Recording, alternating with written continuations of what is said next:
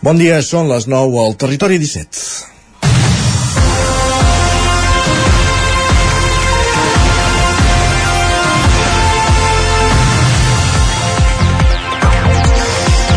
Em pensava que era un jugador de futbol. És el que admetia ahir el cuiner Nando Jovany en la inauguració de la jornada sobre l'aplicació de la tecnologia blockchain al sector alimentari. El presumpte jugador de futbol seria aquest al blockchain la broma de Jovany, però, té part de lògica. En aquests casos cal fer veure que saps de què parles i portar-ho al teu terreny explicava. I ell, en el seu cas, ahir a Vic, va parlar del ramat de 150 vaques llamosines que té a Vilanova de Sau, la carn de les quals no l'acaben de convèncer, i vol creuar-les a mangos. I sí, aniràs al seu restaurant i ell et servirà aquella vedella i t'explicarà que és de les seves vaques, que pasturen el coll de cabra i que la petjada de carboni, en el seu cas, és curta. I d'això va l'aplicació de la tecnologia blockchain al sector alimentari, o si més no en part, de traçabilitat i transparència, insistia en la mateixa jornada el director general de Llet Nostra, empresa que està treballant en un projecte amb tecnologia blockchain per fer seguiment i gestió de tota la cadena de valor del seu producte, des del menjar de les vaques fins a les granges, fins a arribar al got del consumidor final.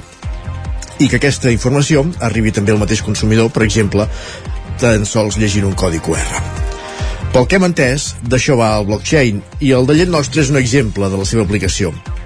I això ho anem sabent perquè l'aposta de la Generalitat en aquesta tecnologia, el CBCAT, el Centre Blockchain Catalunya, té una subseu o noda a Vic dedicat a la indústria alimentària. Fins aquí és el que entenem o podem entendre la majoria de mortals. El, que, el com es treballa la tecnologia ja ho deixem pels que en saben, perquè per molt que ens ho vulguin explicar, ens sonarà xino o a jugador de futbol. I segurament, en blockchain, el futbolista ho faria més bé que no pas alguns dels que s'arrossegaven ahir pel camp del Porto i no lluïen precisament la samarreta de l'equip portuguès. És dijous 5 d'octubre de 2023, en el moment de començar el Territori 17 a la sintonia de la veu de Sant Joan, on Codinenca, Ràdio Cardedeu, Ràdio Vic, el 9FM i també Twitch, YouTube, Televisió de Cardedeu, el 9TV i la xarxa més, canals aquests a través dels quals també ens podeu veure. Territori 17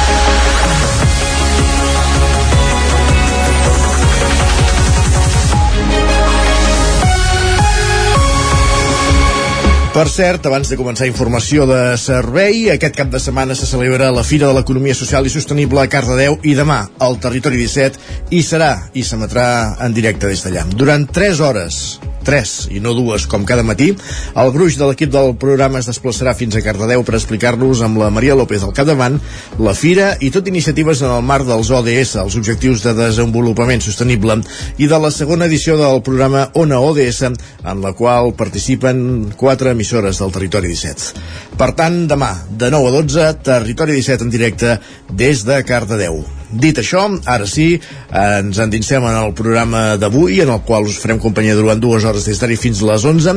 Amb tot el sumari que ara us avancem, en aquesta primera mitja hora abordarem les notícies de les nostres comarques, les notícies del territori 17, en connexió amb aquestes emissores que dia a dia fan possible el programa, l'actualitat de les comarques del Vallès Oriental, l'Osona, el Ripollès, el Moianès i el Lluçanès, per fer un cop d'ull després al cel, amb en Pep Acosta, el nostre home del temps, i repassar la previsió meteorològica de la jornada.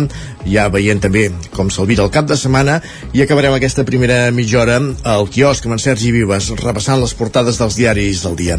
Pujarem al tren a partir de dos quarts de deu amb l'Isaac Muntades a la Trenc d'Alba recollir les cròniques dels oferts usuaris de la nostra línia, del nostre tren de cada dia, la línia Barcelona-Granollers-Vic, Ripoll-Puigcerdà, a una setmana del tall entre Mollet i Figaró per les obres de desdoblament i que comportaran doncs, tot un seguit de trajectes alternatius per carretera. Avui eh, en coneixerem més detalls aquesta tarda, que hi ha una reunió a Vic entre eh, Adif, Renfe, el Ministeri i els diferents agents implicats, tant administracions com representants d'usuaris.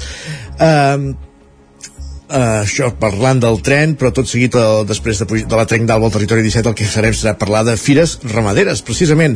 Avui uh, anem fins a la veu de Sant Joan amb l'Isaac Muntades per parlar amb Joan Casas, el cap de l'oficina del Departament d'Acció Climàtica, Alimentació i Agenda Rural al Ripollès, en Joan Casas, com dèiem, perquè aquest cap de setmana amb la Fira del Bestiar de la Vall de Ribes ja comença eh, la temporada, per entendre'ns, de fires ramaderes de, del Ripollès. Per tant, aquest cap de setmana, vaques de raça bruna a Ribes de Freser, però després vindrà més, la Fira de l'Ovella a Ripoll, i també la, de, la del cavall i el poltre de, de Llanàs Per tant, comença el mes de fires al Ripollès. En parlarem, com dèiem, amb en Joan Casas, el director de l'Oficina del Departament d'Acció Climàtica al Ripollès. I acte seguit parlarem del temps, perquè mm, ja ho sabeu que aquí al Territori 17 ens agrada parlar-ne, fer balanç del que ha estat eh, els darrers mesos. La temporada passada ho fèiem amb Manel Dot, i avui la connexió a l'exterior també la farem amb ell, anirem fins a l'Observatori Meteorològic de Vic, a la zona esportiva, s'hi desplaça Miquel Giol, per conversar amb en Manel Dot, per fer balanç meteorològic del mes de setembre, de l'estiu que deixem enrere i per veure com, com avança, eh, com avancem meteorològicament, que ja ens va advertir en Pep Acosta que no massa bé. Notícies a les 10, la previsió del temps, i avui a la Foc Lent tornem fins a la veu de Sant Joan per parlar amb en Sergi Bonsom de l'aula d'hostaleria de, del Ripollès, i a la darrera mitja hora, ja sabeu que els dijous el dediquem a la ficció aquí al Territori 17, per tant, primer cinema amb en Joan Garcia i en Gerard Fosses des de la veu de Sant Joan, en Gerard Fosses des del Festival Internacional de Cinema de Sitges, ja ens avisava la setmana passada i acabarem el programa també amb l'Isaac Montades amb algunes recomanacions de sèries. Dit tot això, ens hem allargat molt, passen ara 6 minuts de les 9 del matí i és moment de posar-nos en dansa amb les notícies més destacades de les nostres comarques, les notícies del territori 17, les notícies del Vallès Oriental, l'Osona, el Ripollès, el Lluçanès i el Moianès. Ho dèiem a la portada, traçabilitat i transparència són els dos grans conceptes que pengen del blockchain, de la tecnologia blockchain, i més si parlem del sector agroalimentari. Era la temàtica del B per Cat Alimentació, la jornada del Centre Blockchain de Catalunya, que feia aquest dimecres a Vic, al recinte firal del Sucre. Sergi Vives, al 9FM. Que seria complicat innovar en el món de la cuina, Nando Jovany ja s'ho imaginava quan va iniciar-se el sector de la restauració. Sabia que al món hi ha molta gent que cuina molt bé i que el que calia era tenir una bona personalitat clara i seguir una direcció única. Ho va explicar ahir a la jornada que el Centre Blockchain de Catalunya va celebrar el recinte firal del sucre de Vic. L'objectiu era explorar què pot aportar la tecnologia blockchain en el sector agroalimentari. Jovany va parlar de la traçabilitat dels productes que ofereix en els diferents tentacles de la seva marca. Explica que té 150 caps de vaques llamosines en una finca de Vilanova de Sau, una raça que diu no l'ha convençut i que ara mesclarà amb carn carn d'angus. L'objectiu ha acabat traient una línia d'hamburgueses que compleixin amb els objectius de traçabilitat i transparència. Vam comprar angus i barrejarem angus amb llimosí perquè amb això hem pogut veure i amb una alimentació especial i fent-les fent -les més grans tenim una carn que ja m'agrada. Anant bé doncs traurem una marca d'hamburgueses de Nando Jovany aprofitant que venem croquetes i canelons i que estic a, a l'alimentació que això seria un altre sector que és molt difícil entrar-hi i que si no ho vens demà et treuen vull dir que és molt heavy. Després, doncs, anant bé farem una línia que em vagi bé a mi a la carn, que el preu no me'l posi el matadero, que el preu me'l pugui defensar jo és l'exemple que ha posat en la jornada que sota el títol B per Cat Alimentació ha reunit un centenar de professionals del sector agroalimentari, un sector que representa entre el 14 i el 15% de l'economia catalana. Joan Gòdia és el director general d'empreses agroalimentaris de la Generalitat. Des del sector primari fins al final, fins al consumidor, passant per tota la tecnologia auxiliar, genera un, un valor de més de 63.000 milions d'euros amb una ocupació de gairebé 600.000 persones i representa entre el 14 i el 15% de, de, de l'economia catalana. Amb aquest acte, Vic referma el seu compromís amb la tecnologia blockchain. Al setembre de l'any 2021, amb els estralls de la pandèmia encara ben evidents, el Centre Blockchain de Catalunya decidia convertir la ciutat de Vic en subseu de l'entitat, al punt de partida del node d'alimentació. Des de la seva obertura, la subseu ha prestat els seus serveis a una trentena d'empreses i a més de 800 professionals. Gràcies, Sergi. Més qüestions perquè la Diputació de Barcelona i els ajuntaments implicats amb Sant Miquel del FAI fan front comú a la gestió del parc amb l'objectiu d'avançar en matèria de seguretat i ampliar-ne els usos i les obertures per anar bé també. Roger Ram, zona codinenca. Sí, els alcaldes de Sant Feliu de Codines, Vigues i Riells del Fai, Sant Quirze, Safaja s'han reunit aquest dimecres per abordar la situació actual de Sant Miquel del Fai i, sobretot, per traçar per on passa el futur d'aquest parc. En la trobada s'ha escenificat la unió de les quatre institucions a l'hora de prendre les decisions que afectin aquest espai. Alguns dels anuncis que s'han fet amb l'objectiu d'evitar més tancaments de l'espai és que es pugui obrir, com la resta d'espais naturals del país, quan el pla alfa de risc d'incendi es trobi en fase 2 i no en fase 3, com passava fins ara. A més, des de la Diputació Diputació s'està treballant ja en un pla antincendis a Sant Miquel, una principalment de les principals reclamacions dels ajuntaments.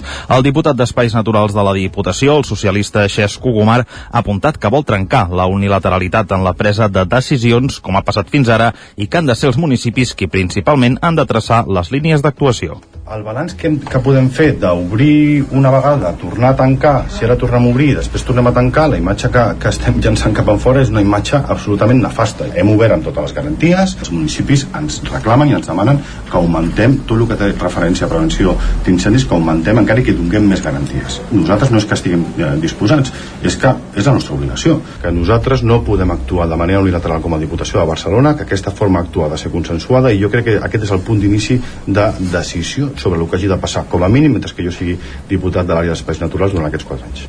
Els tres batlles han celebrat la bona sintonia amb la Diputació i que a partir d'ara doncs, tinguin més pes a l'hora de prendre decisions i també de presentar iniciatives al voltant de Sant Miquel del Fai.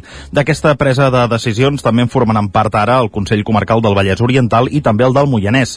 Per la seva banda, Joan Galiano, alcalde de Vigues i Riells, explica quines són les principals reclamacions que tenen des dels ajuntaments cap a la Diputació després d'aquesta reobertura. Principalment definir els usos que s'havien de fer dintre de l'àmbit i adaptar les mesures de seguretat a aquests usos. O sigui, de fet, nosaltres la preocupació principal, ja ho sabeu, estem en un àmbit patint cada estiu aquelles temperatures altes, el pla alfa en fase 2, fase 3 és fàcil activar-lo en el nostre territori i el que volem és que a tothom que entri en aquell àmbit pues, tingui la, la, la, la seguretat de poder-lo fer amb totes les garanties. Això actualment ja s'està fent amb el pla d'usos que ens han presentat i amb el decret que en el seu moment s'han signat des de la Diputació, però els ajuntaments el que reclamaven precisament era això, un pas més a l'hora d'implementar aquestes mesures antiincendi.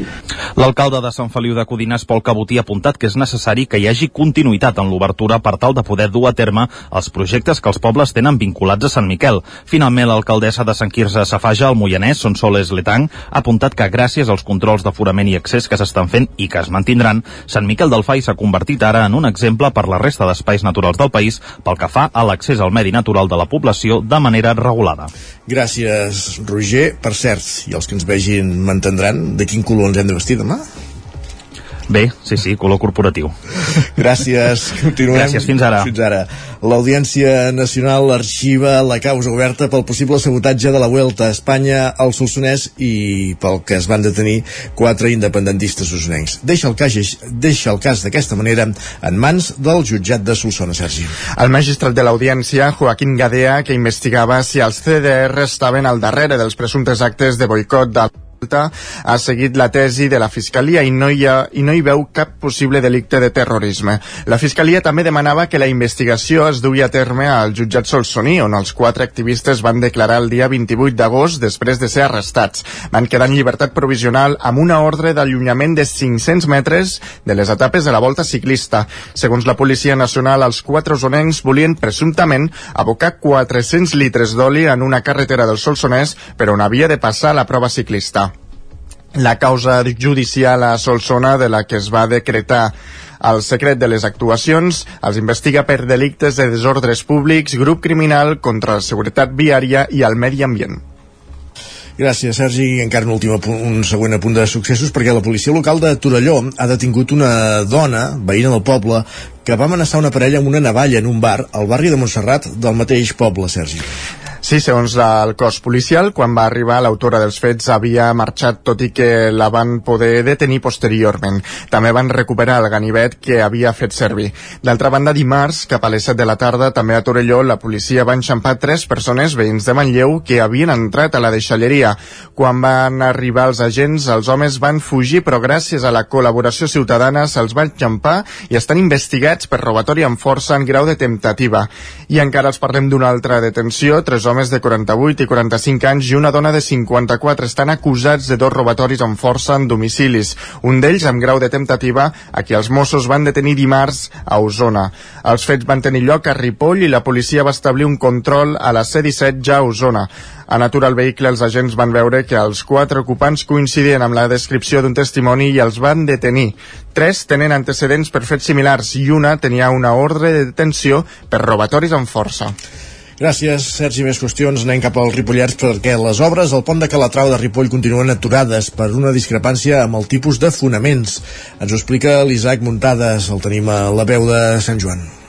Les obres perquè el pont de Calatrava de Ripoll sigui accessible continuen aturades i no hi ha manera que la situació es desencalli. Els treballs van començar a mitjans de juliol, però poques setmanes després del seu inici es van aturar per discrepàncies amb el tipus de fonaments entre la direcció d'obra i l'empresa constructora, segons va explicar el regidor d'Hisenda, Promoció Econòmica i Habitatge, Guillem Barranqueres. El problema seria que la direcció d'obra va plantejar uns fonaments molt ben fets, però la constructora volia fer els seus, els quals són més senzills i diu que ja aguantarien. En tot cas, és direcció d'obra qui té l'última paraula i els ha de validar. Barranqueres va assegurar que hi continuaran estant a sobre. Tema d'estalvi de calés, perquè els fonaments que demanen sabem que es veu que són bastant importants i demanen molt cèntim. Jo el que he discutit, ho hem discutit, hem parlat amb, els equip tècnics, cony, aquesta persona quan va fer el pressupost ja sabia quin anaven aquests fonaments. El que no pots fer és canviar-los pel seu gust. Llavors estem amb aquest dilema. O fem plegar la constructora que indemnitzi si el, el projecte està escrit o què hem de fer. I ells estan intentant, amb una empresa de pilotatge de Vic, demostrar que els seus fonaments són bons. Evidentment, si validen els seus fonaments, ens hauran de donar un, una part perquè són més baratos que els altres i per això sí que que el donen, per aquí no passo L'adjudicació d'aquesta obra es va fer el mes de febrer d'enguany per part de la Junta de Govern local de l'anterior equip de govern amb un cost de gairebé 190.000 euros. Aquesta actuació és finançada amb una subvenció de la Diputació de Girona de 70.000 euros per la supressió de barreres arquitectòniques, 45.000 euros provinents dels pressupostos participatius, ja que va ser la tercera proposta més votada de l'any 2021 i de fons propis del pressupost municipal. L'actuació permetrà enllaçar més bé el barri de la carretera Barcelona amb el de l'estació i que la gent amb mobilitat reduïda pugui accedir-hi perquè fins ara era impossible que hi passés algú amb cadira de rodes, un cotxet o amb mobilitat reduïda. Gràcies, Isaac. Més qüestions. Anem cap al Vallès Oriental perquè sis entitats d'aquesta comarca vinculades a la mobilitat en bicicleta reclamen una xarxa pedalable entre els municipis del Vallès Oriental i la creació d'un consorci per planificar-la. Enric Rubio, Ràdio Televisió Cardedeu. Així és, Isaac. Avui a les 6 de la tarda, mitja dotzena d'entitats presentaran a davant de la Sala Tarafa de Granollers un manifest per reclamar la creació d'un consorci de la xarxa pedalable del Vallès Oriental.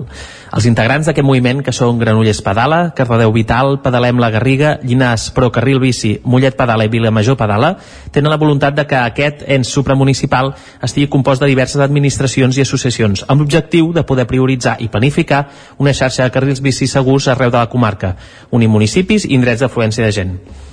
La idea de les associacions que han ideat aquest projecte és que la presentació d'aquesta terra signifiqui el tret de sortida de la realització de la iniciativa i que tanmateix sigui el punt d'inflexió entre la idea del projecte i l'execució d'aquest. És per això que aprofitaran l'espai per explicar i argumentar les raons que fan que sigui necessària aquesta xarxa i algunes de les propostes que han desenvolupat sobre com es podria impulsar. Tal i com expliquen, la proposta ha nascut de la pròpia dificultat existent a l'hora de plantejar una xarxa ciclable i segura. Les característiques urbanes i el medi natural de la comarca fan que aquesta s'hagi d'adaptar a cada realitat per on passa, aprofitant connexions o creant nous enllaços allà on sigui necessari. Un dels punts que remarquen és que precisament la creació d'aquest consorci obre les portes a accedir a fons europeus. Un altre dels objectius que posen sobre la taula és que el Consorci de la xarxa pedalable del Vallès Oriental es pugui construir de forma conjunta amb diferents actors, com per exemple el Consorci de les Vies Verdes de Girona. Gràcies, Enric. Més qüestions, obrim plana cultural perquè el pianista biguetà Joan Espuny, parèntesi, son pare vindrà demà un dia més amb un clàssic musical sota el braç, tanquem parèntesi, ha obtingut un primer premi en la categoria de pianistes de cor en la primera edició del Premio Aspire, que convoca l'Associació Espanyola de Pianistes Repertoristes, nascuda ara fa dos anys, Sergi. La convocatòria estava adreçada a pianistes d'arreu de l'estat d'entre 18 i 30 anys. Els veredicte, el veredicte es va donar a conèixer dissabte en el marc del quart encuentro. El premi consistirà en un apadrinament de la seva carrera com a acompanyant i un val de 450 euros per invertir en material musical. Gràcies, Sergi. Acabem aquí aquest repàs informatiu que començàvem al punt de les 9 en companyia de Sergi Vives, Enric Rubio, Isaac Muntades i Roger Rams. I és moment al territori 17 de saludar en Pep Acosta, el nostre home del temps.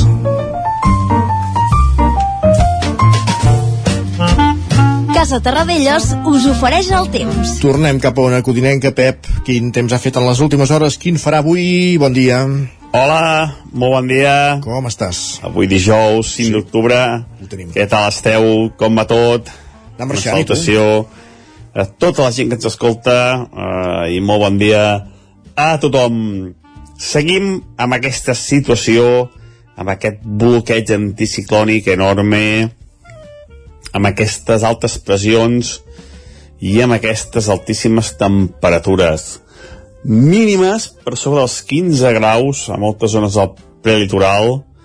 Eh, han baixat dels 15 cap a l'interior i només han baixat dels 10 a les zones més fredes del Pirineu. Uh, ara hauríem d'estar ja uh, moltes mínimes entre els 10 i els 15 graus a moltíssimes zones. I ja fins i tot hauria de glaçar, hauria de glaçar a les zones uh, més fredes del Pirineu. Estem molt lluny de tot això. Uh, és, el que, és el que toca. I seguim amb aquesta enorme sequera no es veu per enlloc cap mapa, que, cap mapa que indiqui algun canvi de temps tot el contrari estabilitat, estabilitat i més estabilitat avui novament eh, algun núvol ara al matí algun núvol despistat, algun núvol baix molt poca cosa a la tarda alguna nuvolada a les zones de muntanya del tot inofensives sense cap precipitació, només quatre núvols per fer una mica bonic. Uh, no hi haurà uh, cap canvi important ni de bon tros el dia d'avui. I les temperatures màximes novament molt altes. Moltes, moltes màximes, la majoria entre els 25 i els 30 graus. Uh, puntualment, en els jocs més càlids, tornarem a superar aquests 30 graus. Uh, això ja uh, s'escapa de tots els de tots els registres, s'escapa de totes les previsions. Uh, és, el, és, és el temps que estem tenint aquests dies, un temps extraordinari que no, que no és bo, eh? no és bo, eh? Hi ha molta gent uh, mig encostipada, molta gent uh, mig engripada, uh, és fruit d'aquesta calor, d'aquesta aquest, fresqueta a la tarda, no sé, tot plegat s'està enrarint molt, tot plegat eh, s'està convertint en un clima eh, molt desagradable i, i veurem què acabarà passant perquè la situació és molt complicada. I això és tot. A disfrutar el dia d'avui. Moltes gràcies. Adeu. Gràcies, Pep. Parlem d'aquí una estoneta. Casa Tarradellas us ha ofert aquest espai. Territori 17. Envia'ns les teves notes de veu per WhatsApp al 646 079 023. 646 079 023. WhatsApp Territori 17.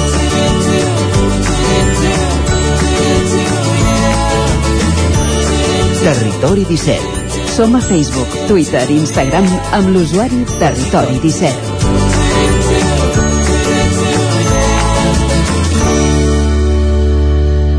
7 minuts i mig perquè siguin dos quarts de 10 del matí.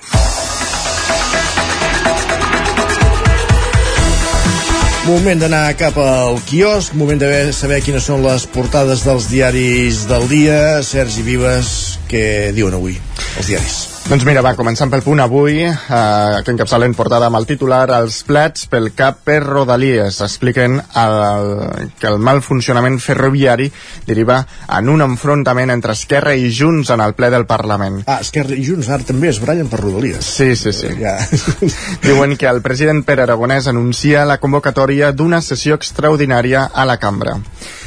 Per altra banda, diuen que el Barça encarrila la Champions. Expliquen que Ferran Torres marca i Ter Stegen i els centrals frenen al Porto. I no diuen que va ser un partit suporífer i que el Barça va fer pena? Algun diari sí que ho diu. Ah, entesos. El periòdico diu que el 20% dels usuaris de patinet han sigut multats. Expliquen que el 75% dels que els utilitzen, que utilitzen aquest mitjà de transport admeten haver circulat per la vorera. Diuen que el RAC defensa que el vehicle torni al bus, al metro i al tren al novembre. Encara un reconciliaria amb el RAC. I sota el titular Victòria Clau i res més, doncs expliquen que el Barça segueix en pas ferm a la Champions amb un triomf davant el Porto. Diuen que Ferran Torres va anotar el gol després de substituir el lesionat Lewandowski. La Vanguardia diu que llum verda, que, expli, diu que uh, hi ha llum verda al pacte europeu que endureix la política d'immigració. Expliquen que l'acord dels 27, que caldrà negociar ara amb l'Eurocambra, preveu que els països tinguin llibertat per decidir quants sol·licitants acullen. Per altra banda, diuen que Rússia condemna a 8 anys i mig a la periodista que va protestar a la televisió contra la guerra.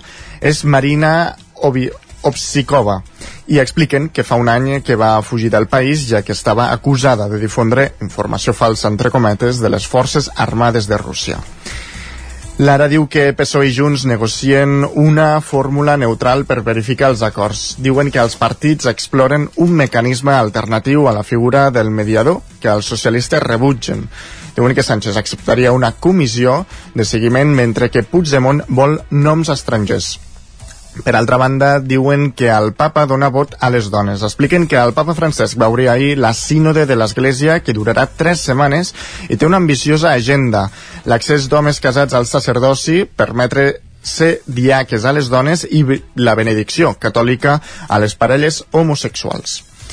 I anem a repassar ara premsa espanyola. El país diu que 22 sentències del Constitucional permeten encaixar una amnistia. Expliquen que els errors del Tribunal de Garanties i més d'una trentena de tractats internacionals han reconegut la validesa de la mesura de gràcia. Carai, tu, quins canvis de, de discurs al país. Sí, no?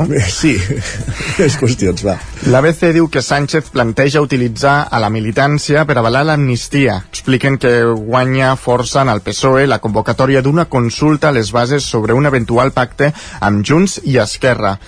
Primer l'acord i després el partit, diuen. Al Mundo diuen que les grans empreses no tenen plans per tornar a Catalunya. Expliquen que el Banc Sabadell sosté que no està sobre la taula i CaixaBank diu que la idea és seguir a València. Banco Sabadell, eh? es deia la candidatura que presentaven a la Cambra de Comerç de Barcelona. Sí, sí. Què més? Per altra banda, diuen que el govern preveu un augment en l'arribada d'immigrants a Canàries i tem que s'obrin noves rutes al Marroc. Expliquen que l'estimació és que la pressió migratòria augmenti fins al novembre. I acabem amb la raó que diu que Sánchez arrastra el PSOE a recolzar l'amnistia. Expliquen que Page sorteja una moció que ha impulsat el PP i es refugia en una reforma impulsada pel seu partit. Diuen que la iniciativa dels populars vol que els socialistes es retractin en tots els territoris. Ràpidament, repassem digitals l'edició d'Osona i el Ripollès del 99.cat. Doncs ens expliquen que el Santuari dels Munts i Sant Bartomeu del Grau estrenen Mirador i a l'edició del Vallès Oriental doncs que l'equip de pediatria de Granollers comença a immunitzar nadons contra la bronquioli, bronquiolitis. Gràcies, Sergi. A tu. Fem una petita pausa i tornem de seguida aquí al Territori 17. Fins ara mateix. El nou FM, la ràdio de casa, al 92.8. Amb Pradell estalvio energia i cuido la meva butxaca i el medi ambient. Posa't en mans a Pradell, són experts en calderes de gas i condensació, estufes de pelat, energia solar, terres radiants i geotèrmia. Pradell instal·la calderes de biomassa per a particulars i per a empreses. Si vols estalviar un 50% en consum, contacta amb Pradell i passa't a les energies renovables. Pradell som a l'Avinguda Països Catalans 27 de Vic. Telèfon 93 885 1197. Pradell.cat. La qualitat de les teves impressions és important per tu? Estàs cansat que els colors i les imatges no surtin com t'esperes? A Impremta Mater disposem de la tecnologia més avançada i els millors professionals per aconseguir impressions d'alta qualitat. Fem tota classe d'impresos amb acabats professionals. Llibres, catàlegs, revistes, tesis, calendaris, enquadernacions... I a més, disposem del servei d'impressió digital en gran format, roll-ups, lones, pòsters i molt més. Impremta Mater. Ens trobaràs a la carretera de Sant Hipòlit 23 de Vic o impremtamater.com. 25 anys de la Festa del Bolet de Ceba. Diumenge 8 d'octubre vine a la 25a Festa del Bolet de Ceba. Sortides guiades, tallers, xerrades, tastet de bolets, espectacles, doma clàssica, gegants, zona de jocs infantils, concurs de bolets, ballada de swing i molt més. Diumenge 8 d'octubre t'esperem a la 25a Festa del Bolet de Ceba. Més informació a ceba.cat. Quan tingui un problema amb la seva caldera, vagi directament a la solució. Truqui sempre al servei tècnic oficial de Saunier Duval i despreocupis, perquè som fabricants i coneixem les nostres calderes peça a peça. I ara aconseguiu fins a 300 euros en canviar la caldera. Informeu-vos al 910 77 10 50 o a saunierduval.es. Cocodril Club. Si t'agrada la bona música dels anys 60, 70 i 80, escolta el 9 FM als matins de dissabtes i diumenges d'11 a 1. És el temps del Cocodril Club, tot un clàssic de la ràdio, amb les bases del pop-rock, les llegendes, les cançons que s'han convertit en autèntics himnes. Recorda, dissabtes i diumenges al matí, d'11 a 1, al 9 FM 92.8. Cocodril Club, el programa revival de l'Albert Malla. Hasta luego, cocodrilo. Cada dimarts a les 11 de la nit, al 9 FM, repàs de l'actualitat esportiva a la banqueta. Anuncia't al 9 FM. La màquina de casa. 9 3 8 8 9 4 9 4 9. Publicitat arroba al 9fm.cat. Anuncia't al 9 FM. La publicitat més eficaç. El 9 FM, el 9 FM, el 9 FM, el 9 FM. Territori 17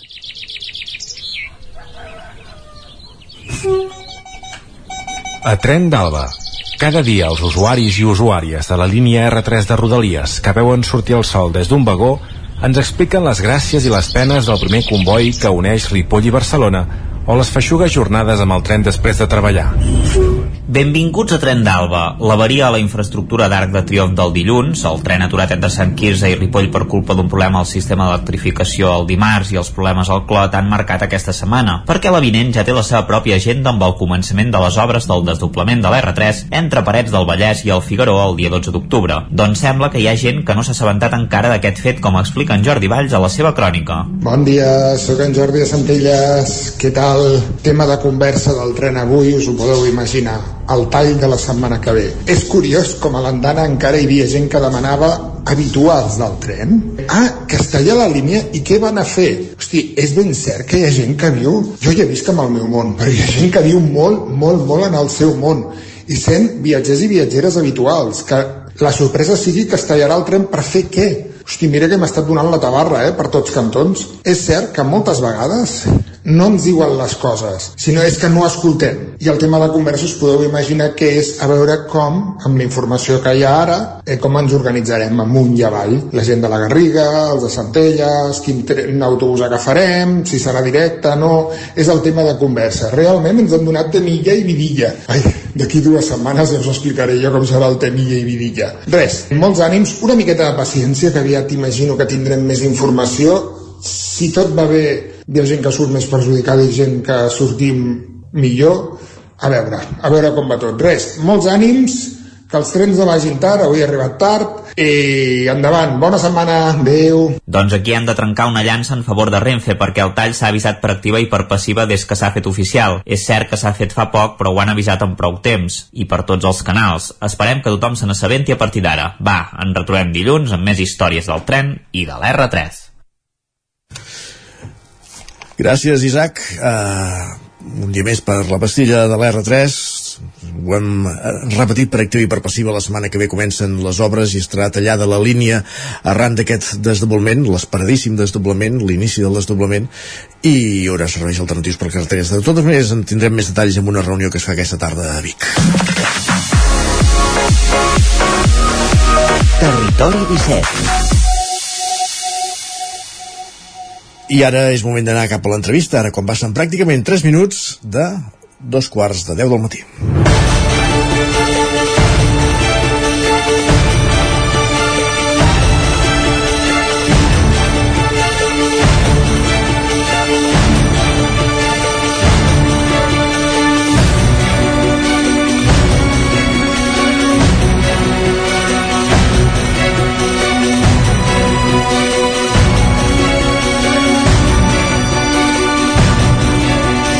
La primera quinzena d'octubre al Ripollès és sinònim de fires de bestiar i és que en poc més d'una setmana tenim tres cites molt importants i de tres tipus d'animals diferents.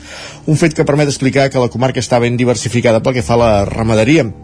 Aquest dissabte hi ha la Fira del Bestiar de la Vall de Ribes i de la Vaca Bruna dels Pirineus, a Ribes de Febreser. El 13 d'octubre serà el torn de la Tria de Molets d'Espinavell i de Molló i el tríptic s'acabarà amb la Fira de Santa Teresa i la Fira Catalana de l'Ovella de Ripoll i encara ens falta la del cavall pirinenc de, de Llanàs. Isaac Muntades, la veu de Sant Joan, bon dia. Bon dia, Isaac. Sí, sí, ja, ja t'avances bé perquè al novembre tindrem el, el cavall pirinenc de Llanàs o, o a finals d'octubre. No sé exactament quan, quan acaba caient, eh? Uh, avui, perquè ens doni tots els detalls d'aquestes tres cites, tenim en Joan Casas, que és el cap de l'oficina comarcal del Ripollès de, del Departament d'Acció Climàtica. Bon dia, Joan, i moltes gràcies per ser a l'estudi i explicar-los les novetats d'aquests certàmens. Hola, molt bon dia i gràcies a vosaltres per convidar-me. Uh, comencem per la més propera. De fet, uh, d'aquí dos dies, aquest dissabte, se celebra la, la 39a edició de la Fira del Bestiar de la Vall de Ribes i de la Vaca Bruna de, dels Pirineus. Uh, sabem que hi haurà premis aquest any, una subhasta ramadera. Quins són aquests premis? Què, què, què veurem? Perquè és novetat, eh, això, també? Sí, aviam, eh, la primera que solem fer aquí a la comarca del Ripollès és la Fira de, la, de Bestiar de la Vall de Ribes, que és una fira que, com molt bé heu dit, és basa amb la vaca bruna dels Pirineus. I, i bé, aquest any eh, bueno, com tots els anys els premis que es donaran seran els premis al millor animal semental de la fira el premi a la millor vaca xuta a la millor vaca amb vedell a la millor brava eh, Tarsona amb millor vedella de l'any i millor vedella de l'any passat. També es dona un premi al millor animal de la fira i, i bé, és una fira que fa molt de goig perquè es fa amb un, al passeig de la Margarideta amb una zona que ja és molt ombrívola i que els animals s'hi troben molt bé.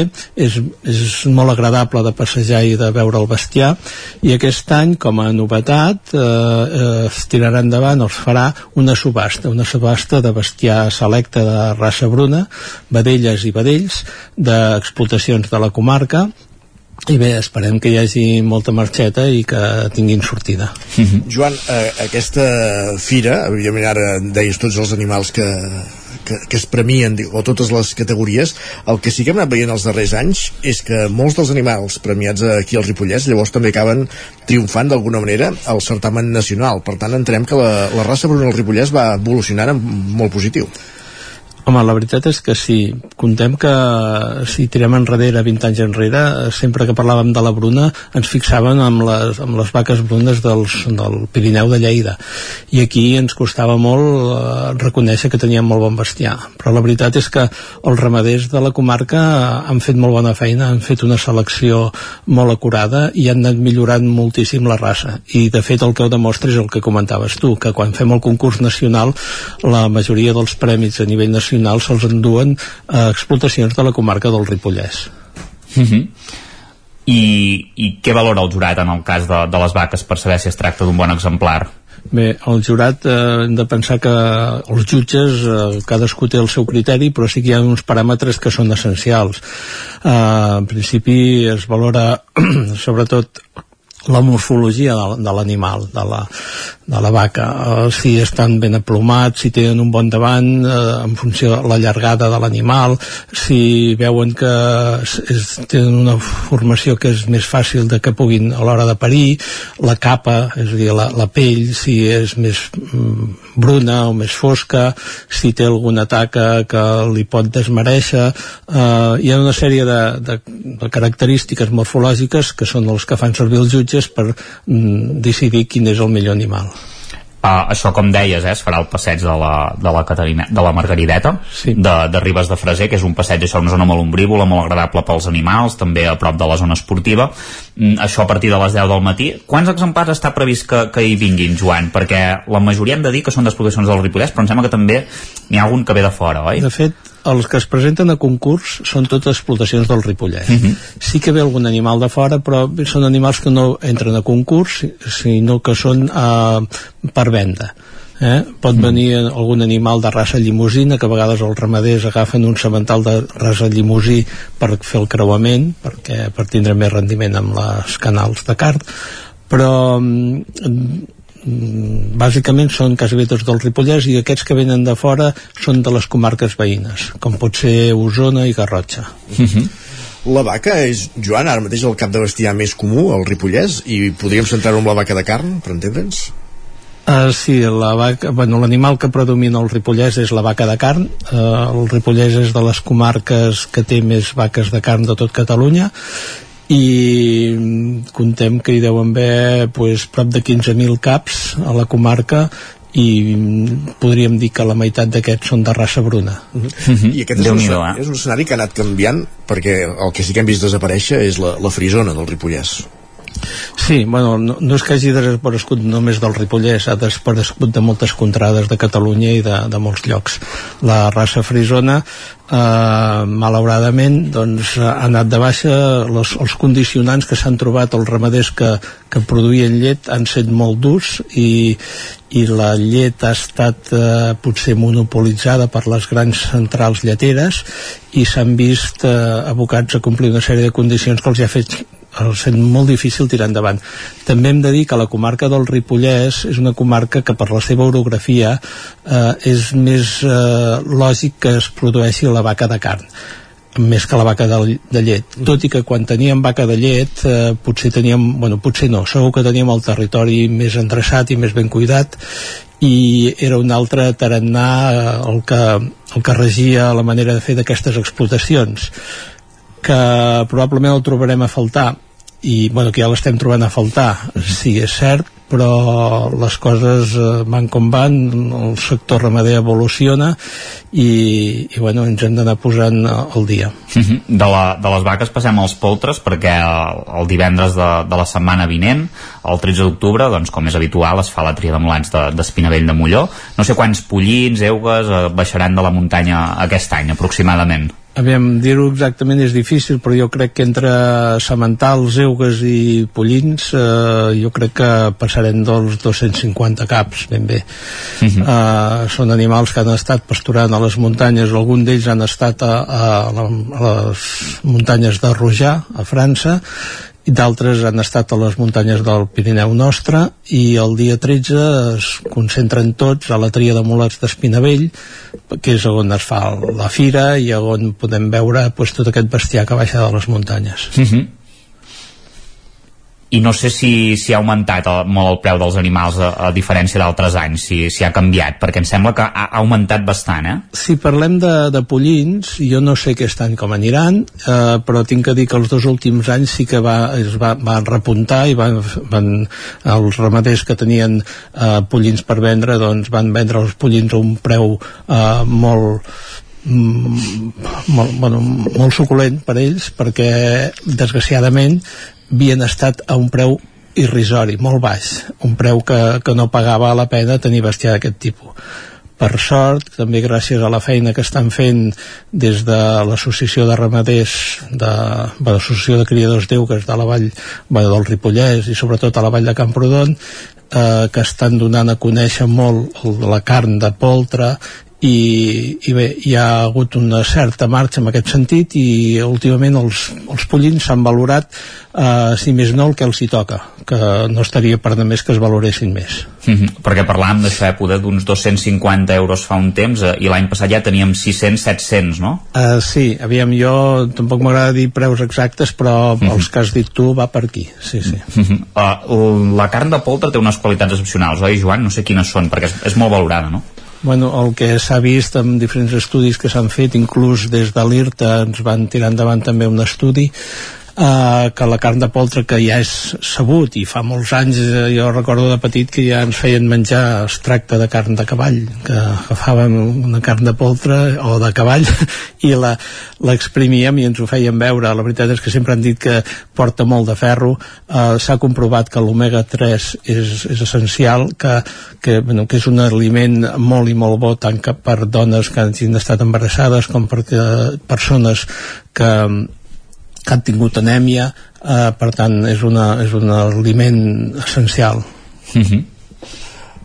Molt bé, i finalment, de, dos dies després serà el torn de la Fira de Santa Teresa i la Fira Catalana de l'Ovella de, de Ripoll. Espereu molts caps de bestiar, en aquest cas, també?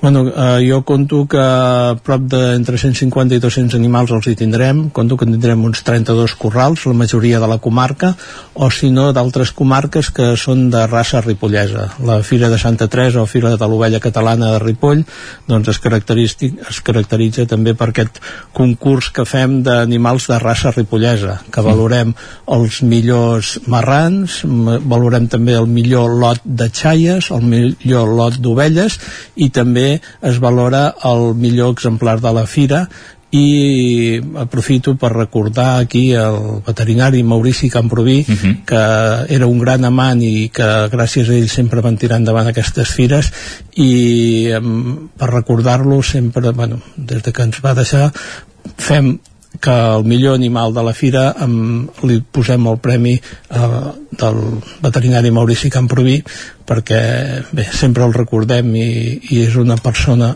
que eh, sempre el vam tenir al costat al sector ramader i que es desvivia per tirar endavant aquestes fires. Era un puntal de les fires, eh? això sense cap dubte, i sempre estava al capdavant i ja quan es va jubilar i això, doncs ara ens va deixar fa un parell d'anys, per desgràcia, però realment era una persona molt estimada i, i que era un, un referent i merescut doncs, que també el millor animal de la fira doncs, eh, duia el seu nom. Uh, el ser diumenge, Joan, uh, aquesta, aquest any també es farà alguna cosa més perquè aquesta fira sempre cau el 15 d'octubre llavors et pot caure un divendres, un dilluns però aquest any ha caigut diumenge, hi haurà alguna cosa més Sí, aquesta, bueno, de fet la de la d'Espinavell sempre és el 13 d'octubre i la de uh mhm. -huh. l'Ovella de Ripoll és el 15 d'octubre sempre es, es coincideix amb Santa Teresa que és el 15 d'octubre i sempre hi ha algunes paradetes eh, que acompanyen a la fira aquest any, al ser diumenge jo conto que també des de l'Ajuntament s'han implicat molt amb la fira i tiraran, miraran de que es facin algunes parades parades al voltant de la fira més relacionades amb el sector primari, per tant crec que és interessant que es tirin endavant. També vull dir que últimament mm, amb aquesta fira era tradicional menjar xai per esmorzar. Els dos últims anys, després de la pandèmia, eh, no vam poder fer xai, però aquest any tornarem a fer xai per esmorzar, eh, xai mm, d'ovella ripollesa, que serà excel·lent. Ja per últim, eh, Joan, eh, altres anys la dificultat de tenir ovelles s'havia incrementat, de fet cada cop hi ha menys ramats d'ovelles, cada cop hi ha menys pastors, sentim sovint que, que se'n queixen. Eh, no sé aquest any si, quina serà la situació de cara a trobar bestiar per la fira. Aviam, bestiar per la fira en trobarem perquè pastors eh, malauradament hem disminuït molt el cens de les ovelles. Encara tenim alguns pastors i alguns de joves que hi posen moltes ganes i que gràcies a aquesta gent doncs s'està tirant encara el sector està tirant el sector endavant. Però és cert, és cert que hem perdut molt bestiar oví és una tasca difícil, els que es volen incorporar tenen problemes per trobar terres, eh, la vaca ha anat guanyant terreny a les ovelles i que des del mateix departament estem intentant tornar a introduir el sector oví a les muntanyes de les nostres contrades perquè considerem que és un sector que millora molt la pastura d'una manera ben gestionada i que, que, bueno, que tant per la conservació del territori com per, per mantenir el que és l'ovella ripollesa doncs s'ha de tirar endavant i esforços eh, no deixarem de tirar-ne endavant, de fer-ne.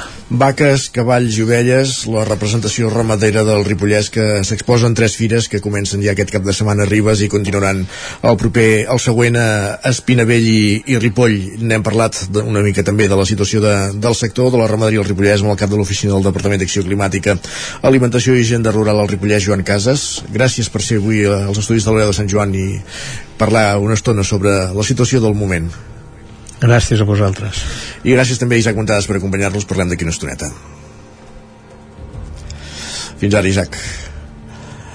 I nosaltres que avancem al territori 17 i tot seguit parlem del temps, que el temps ens hauria de portar aigua tan necessària també per les pastures de tots aquests animals dels quals ara, ara parlàvem.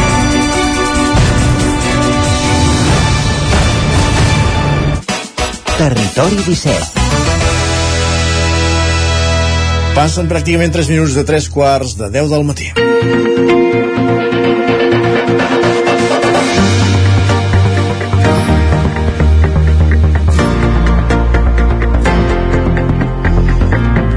Ja sabeu que ens agrada sortir cada dia al carrer, sortir a l'exterior, anar a voltar, anar a palpar el pols a, eh, a diversos àmbits i avui volem palpar el pols meteorològic. En Miquel Giol s'ha anat a l'estació d'observació meteorològica de, de Vic en companyia de Manel Dot, una habitual del territori 17, aquí saludàvem la temporada passada un cop al mes per repassar eh, el, el, per fer balanç del mes que deixàvem enrere, hem deixat enrere el mes de setembre, hem deixat enrere un estiu que veient aquelles pluges de maig-juny doncs algú endevinava doncs, que per fi aniríem recuperant mica en mica la normalitat però res més lluny de la realitat perquè després ha, ha tornat a haver-hi un estiu totalment eixut, no veiem l'aigua per enlloc, però vaja, qui té les dades de tot plegat és a Manel Dot i amb en Manel Dot ja a Miquel Giol. Miquel, benvingut, bon dia. Molt bon dia, Isaac. Eh, com bé deies, doncs avui no he marxat gaire lluny. Sóc aquí a l'Observatori Meteorològic de Vic, just a sota de l'alberg de Vic, perquè fa bons pocs dies, que com deies, fa ben pocs dies que hem acabat el setembre i això vol dir que toca repassar tot el que ha passat meteorològicament eh, durant aquests 30 dies. I per fer-ho, avui m'he trobat amb el coordinador de la xarxa meteorològica de Meteozona, Manel Dot, eh, perquè ens expliqui una miqueta millor. Bon dia, Manel, i gràcies per atendre'ns aquí al Territori 17. Hola, bon dia. Uh, parlàvem això, hem deixat enrere un estiu, ja no sense parlar del setembre, que ha donat per molt de sí, sobretot per la calor, hem tingut rècords de temperatura. Uh, com ha estat el tot plegat d'aquest estiu? Doncs molt sec, molt sec, amb temperatures eh, molt altes.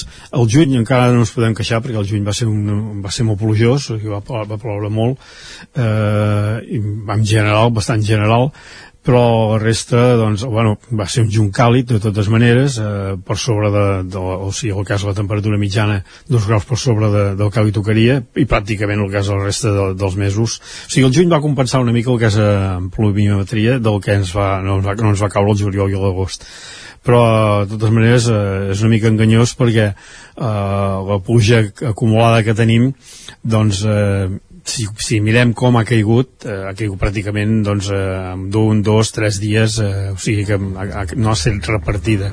Eh, ha caigut en, en, un punts, en, en punts ha caigut molta aigua, eh, com és, per exemple, el mes de juny eh, eh, on era a Torelló van caure en un dia 75 litres, pràcticament en una tarda, eh, o sigui, van ser pluges eh, mal repartides i amb un punt molta aigua i l'altra poca. O sigui, eh, de totes maneres, en general, el juny ha estat doncs, molt càlid, càlid eh, el mes de juny eh, i molt càlid el que és el, el juliol i l'agost.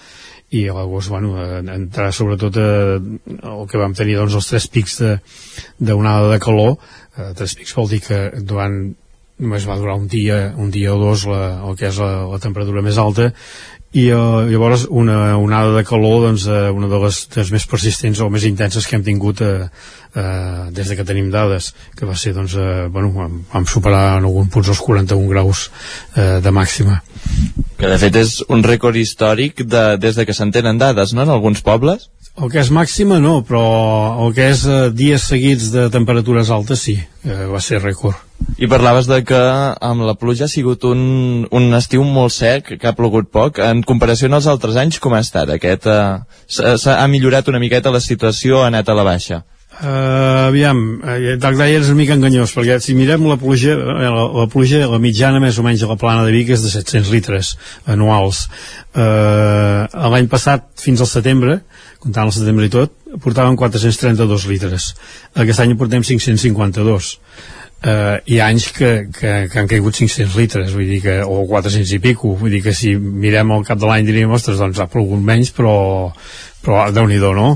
però és que és, eh, tal com deies, la manera que, que ha plogut. O sigui, ha plogut eh, molta aigua en, pocs, en, en un dia o dos o tres i, i aquest mes mateix eh, el mes de setembre si fem una repassada del és el setembre doncs eh, mirem, per exemple, Sant Boi de Lluçanès porten 95,8 litres però que van caure pràcticament en dos dies.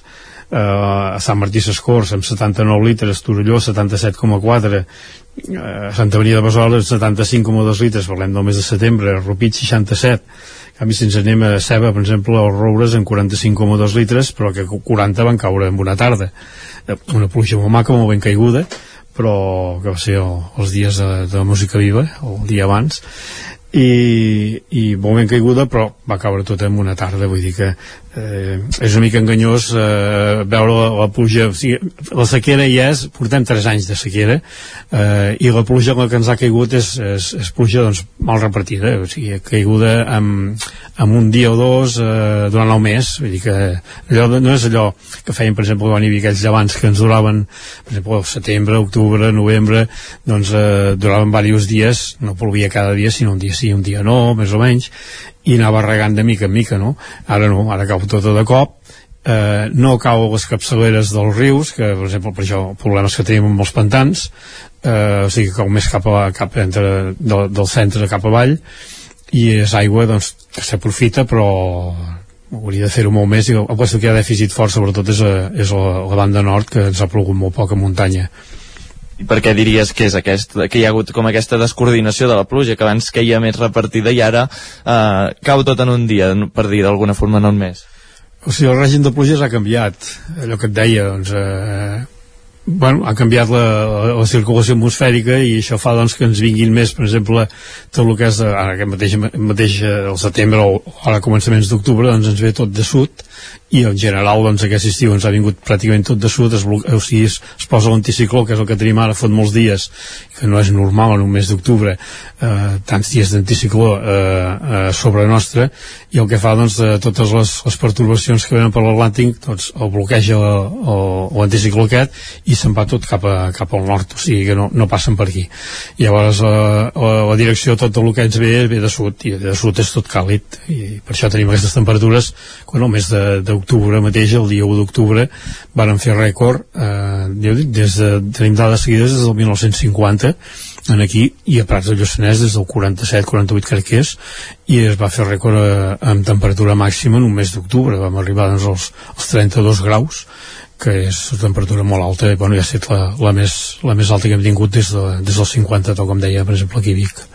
I això segurament no serà una tendència que anirà a la baixa, no? Serà una cosa que ens trobarem més sovint segons els experts sí Ah, jo puc dir que soc observador, he anat recollint totes les dades que he anat recollint, anem veient doncs, que, que va canviant, tant en el cas en mitjana, les mitjanes són totes, han pujat totes de 2 a 3 graus eh, cada, pràcticament cada mes, el setembre encara va ser bastant moderat, però els altres ha pujat de 2 a, 3, 2 a 3 graus per sobre de, del que tocaria, de la, de la climàtica.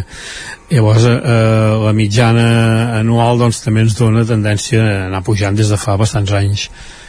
Perquè si ara parlem del setembre en concret ha sigut com un, un, un mes bastant interessant, podríem dir, perquè per una banda hem tingut dies de molta calor que encara aguantaven de l'estiu i per altra banda hem arribat a la tardor, hem fet un canvi d'estació de, i hem tingut dies de bastant, bueno, bastant no diríem, però que ja han refrescat més i que hem vist uh, més diversitat. Eh, què ha sigut aquest uh, setembre pel que fa a temperatures? Uh, el setembre que fa temperatures doncs, uh, bueno, el que deies vam entrar a la tardor i, i tant l'astronòmica com la meteorològica perquè va fer una baixada forta de temperatures va normalitzar uh, el que són les temperatures mínimes de, de 4-5 graus a les fondalades uh, que seria un normal i, i les màximes doncs eren més, més o sigui, va, ens, va, ens va entrar una mica d'entrar una entrada d'aire fred eh, el dia mateix de la tardor però va durar dos, tres, quatre dies. A partir d'aquí es va tornar a enfilar va tornar a, a bloquejar doncs, l'anticicló aquest ens va tornar a venir la, tot de direcció de sud i temperatures amunt. O sigui la, la tardor es va durar molt pocs dies. O sigui tant l'astronòmica com la meteorològica va ser la, la que tocava però durant molt pocs dies. I la tendència eh, que tenim ara per exemple doncs és de, de temperatures que es tornaran a enfilar aquests dies. Miquel, clar, perquè Digue'm, Isaac. No, perdó, demana-li també pels bolets en Manel Brega, si aquest any se'n fan. Ah, sí? Se'n fan o no? Pels, pels bolets que podem esperar? Per la gent que li agrada uh, anar a buscar bolets. Trobarem ceps o no trobarem ceps? Eh, si van a la plaça de Vic o, o Mercabarra poder sí, però eh, a veure eh, un dels punts que va ploure més el cantó de, del Ripollès va ser cap a la banda de, de Molló. En allà sí que es va trobar uns quants bolets però és que això parlo ja d'uns quants dies. I llavors ara portem molts dies que no ho fa i el bolet el que vol és ser, ser regat i, i de moment fumut i l'altre dia em deien que portaven que hi havia, que hi havia pinenques i que els portaven d'Argentina, vull dir, aquesta no la sabia vull dir que, bueno mm, com els de casa no n'hi ha eh, però el tenim bastant fotut el que és eh, de bolets, perquè ara per eh, aquest mes d'octubre doncs pinta que fins a partir del, de, de, del 12 eh, del Pilar, vull dir, el dia del Pilar doncs no, no hi ha canvis. Vull dir que de pluges poques, si més aviat temperatures en amunt, o sigui que els bolets de moment no tenim fotut i pot ser que més de cara endavant, encara que normalment solen sortir cap aquests mesos d'octubre, novembre ja potser justegen una miqueta més, podria ser que amb aquests canvis de temperatura que van minvant a poc a poc eh, ens els trobéssim una època, un temps més endavant? Uh, aviam, el dia es fa més curt i hi ha més, més, uh, o sigui, és més llarga la nit i hi ha més humitat, uh, per això tenim boires matinals, avui mateix n'hem tingut, i això va bé, va bé per, per, pel terra, no? És humitat que porta, que porta el terra. Però a muntanya eh, no n'hi ha tantes de boires més aviat el que hi havia. Ahir mateix eh, vam tenir, ens va passar un front a la nit d'ahir i eh, va mantenir la temperatura va mantenir, eh, o sigui els, núvol, els núvols que teníem, el cel ennubulat va mantenir la temperatura, hi havia postos que hi havia temperatures de, mínimes de 18 graus. Això, bueno, bueno un mes d'octubre i, i pels, pels bolets és fatal això vull dir que no està bastant fumodat el tema bolets per tant, el que podem esperar de la tardor és eh, calor i poca pluja, no? Fins al dia 12, calor. Calor i, i, i pluja pràcticament Malament. inexistent. Uh, a partir del 12 hi ha un canvi, veurem què passa, aviam si estiguéssim de sort. De moment pinta, entra, es, es desbloqueja una mica aquest anticicló i entre les perturbacions entraran atlàntiques però em sembla que regaran més tot el que és la banda de Galícia d'Extremadura cap a Galícia i arribaran doncs, fins a mitja península i en aquí fa poc que ens quedarem amb poca aigua ojalà que m'equivoqui si al revés no? Bueno, si hi ha un canvi, digues a partir del 12. Per tant, ara que tu i jo anem així en mànica curta, és una, és una peça que no ens traurem en un temps, no?, pel que apunta. Uh, de bon matí fa fresca, eh? Però Això és veritat. Hi ha inversions tèrmiques i fa fresca, però bueno, a partir de, de les 11 la màniga curta seguirà sent encara uns quants dies. Miquel, moltíssimes gràcies un dia més. Que vagi bé. I salutacions a Manel.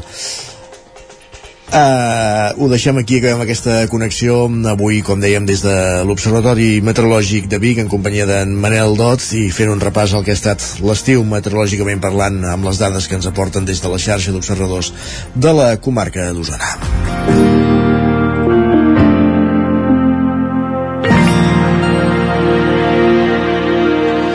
I ara mateix passa pràcticament un minut de les 10 del matí. Territori 17.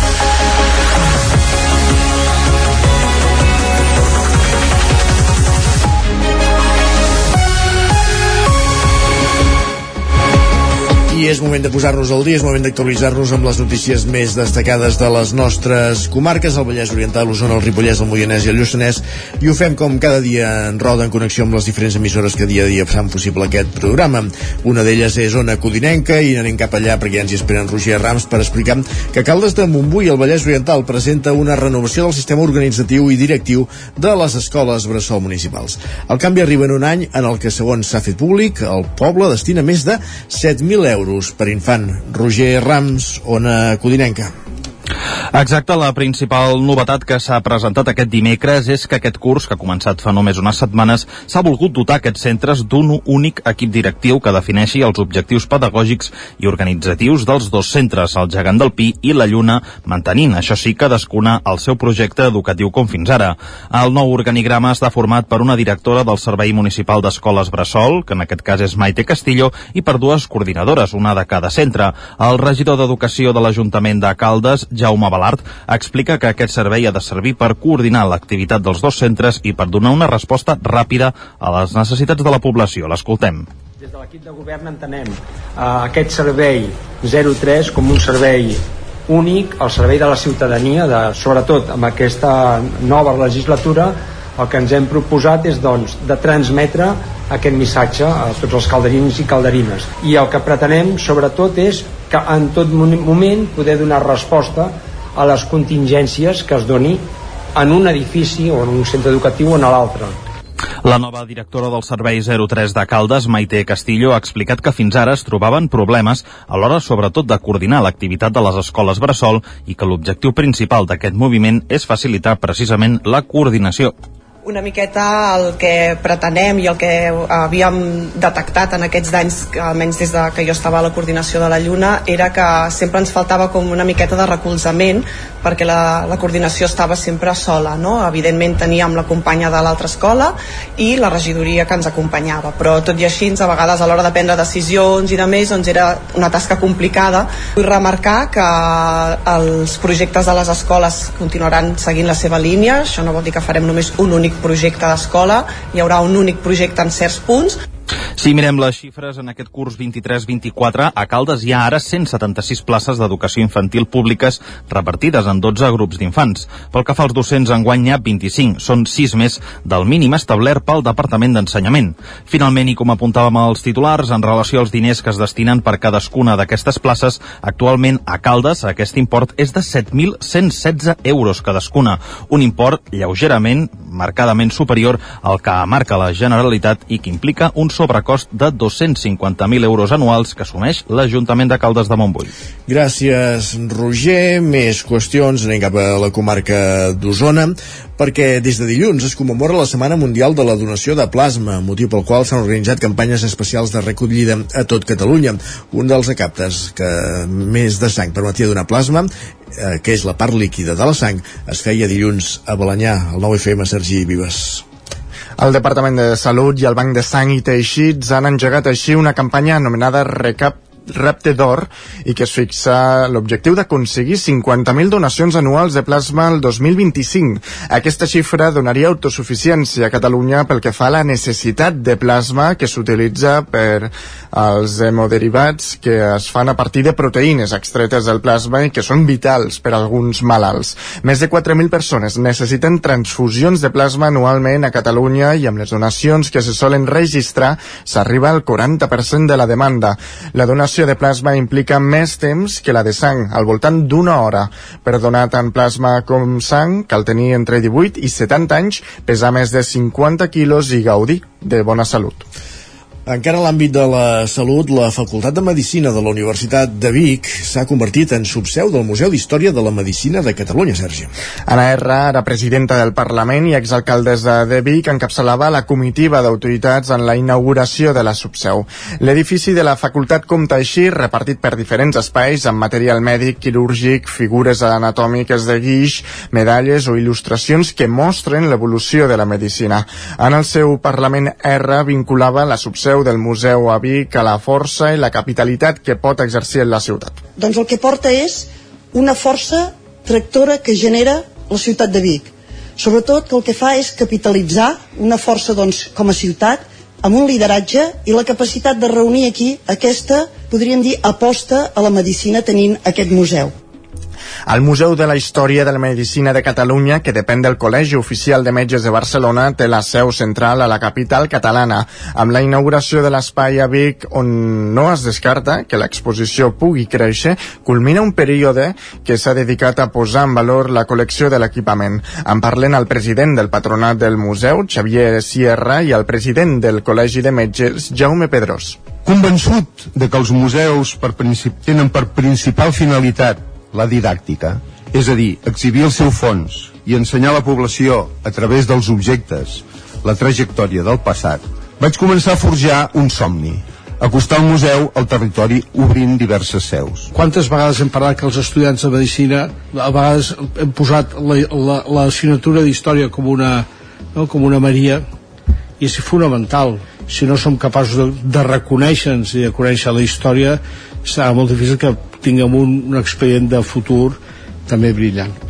La subseu del museu a la Facultat Bigatana també compta amb una galeria de professionals mèdics catalans amb plafons de 12 metges i metgesses rellevants a Catalunya. Anem cap al Vallès Oriental, tornem cap al Vallès Oriental perquè Llinars del Vallès es vesteix de gala i celebra la creativitat, la diversitat i el talent local a la desfilada. El talent no té gènere. Enric Rubio, Ràdio, Televisió, Cardedeu.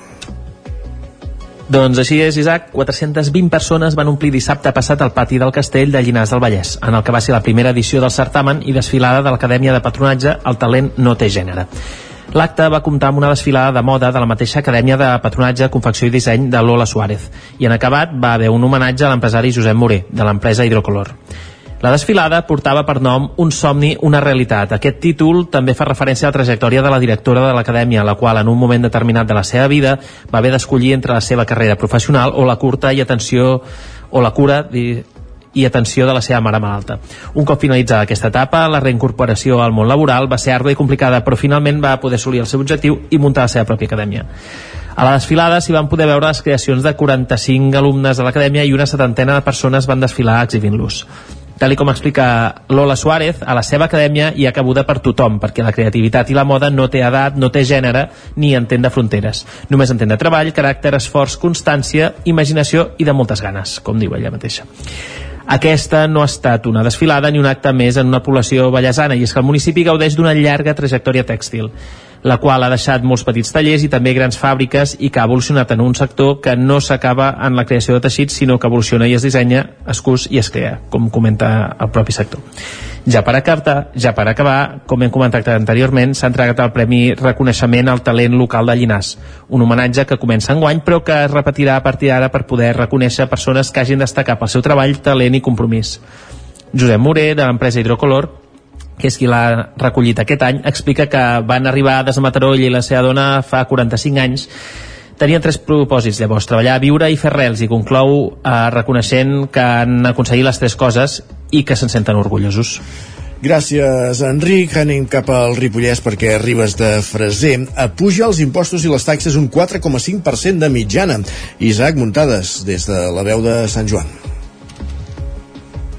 En el ple de dilluns, l'Ajuntament de Ribes de Freser va donar llum verda a les ordenances fiscals per l'any 2024 amb els vots a favor de l'equip de govern de Junts per Ribes, el vot negatiu de la CUP i l'abstenció de Tots Fem Ribes Esquerra Republicana. L'alcaldessa Mònica Sant Jaume va explicar que durant els darrers 4 anys havien congelat els impostos i taxes, però que ara s'havien vist obligats a pujar-los un 4,5% de mitjana. Aquests en serien els motius principals. Hi ha hagut un augment important del capítol 1, provocat per la Llei General de Pressupostos de l'Estat. Una altra causa evident és l'augment del cost de l'energia, que malgrat la substitució de l'enllumenat a LED ha seguit pujant. La tercera és l'augment de la inflació del cost de vida en un 10% generalitzat i, evidentment, doncs, no podem deixar de comptabilitzar l'augment de la recollida de residus i tractament d'aquests. Aquí també s'hi ha d'afegir la caiguda d'ingressos derivats de l'impost de la plusvàlua, ja que les transaccions i compravendes han baixat en picat. L'alcaldessa va subratllar que amb els impostos també es poden fer polítiques d'habitatge i va posar d'exemple l'aplicació d'un recàrrec del 50% 10% de l'IBI a les residències desocupades. El portaveu Copaire, Àlex Medrano, va trobar a faltar una mesura per discriminar entre primeres i segones residències en matèria de l'IBI, tot i que el secretari va dir que no es podia fer. Sobre la taxa d'escombraries, Medrano va apuntar que s'hauria de premiar qui menys genera. Però, per exemple, ferrocarrils considerem que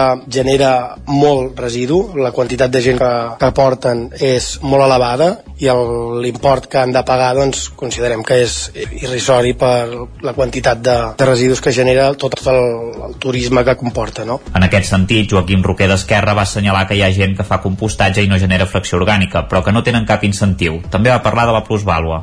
Si l'Ajuntament de Ribes té dependència de la plusvàlua, el que vol dir és que aquí hi ha molta compra renta de pisos. I compra-venta de pisos en un lloc on ens estem despoblant vol dir que hi ha especulació. Que hem de mirar des de l'Ajuntament és de potenciar altre tipus d'activitats. Això també es pot fer amb els impostos. El regidor republicà trobava que la pujada d'impostos i taxes es podia veure com una mesura electoralista en haver-se deixat per a després de les eleccions. Gràcies, Isaac. I un últim apunt cultural perquè el pianista biguetà Joan Espuny ha obtingut un primer premi en la categoria de pianistes, d'acord a la primera edició del Premi Aespire, que convoca l'Associació Espanyola de Pianistes Repertoristes, nascuda ara fa dos anys, Sergi Vives.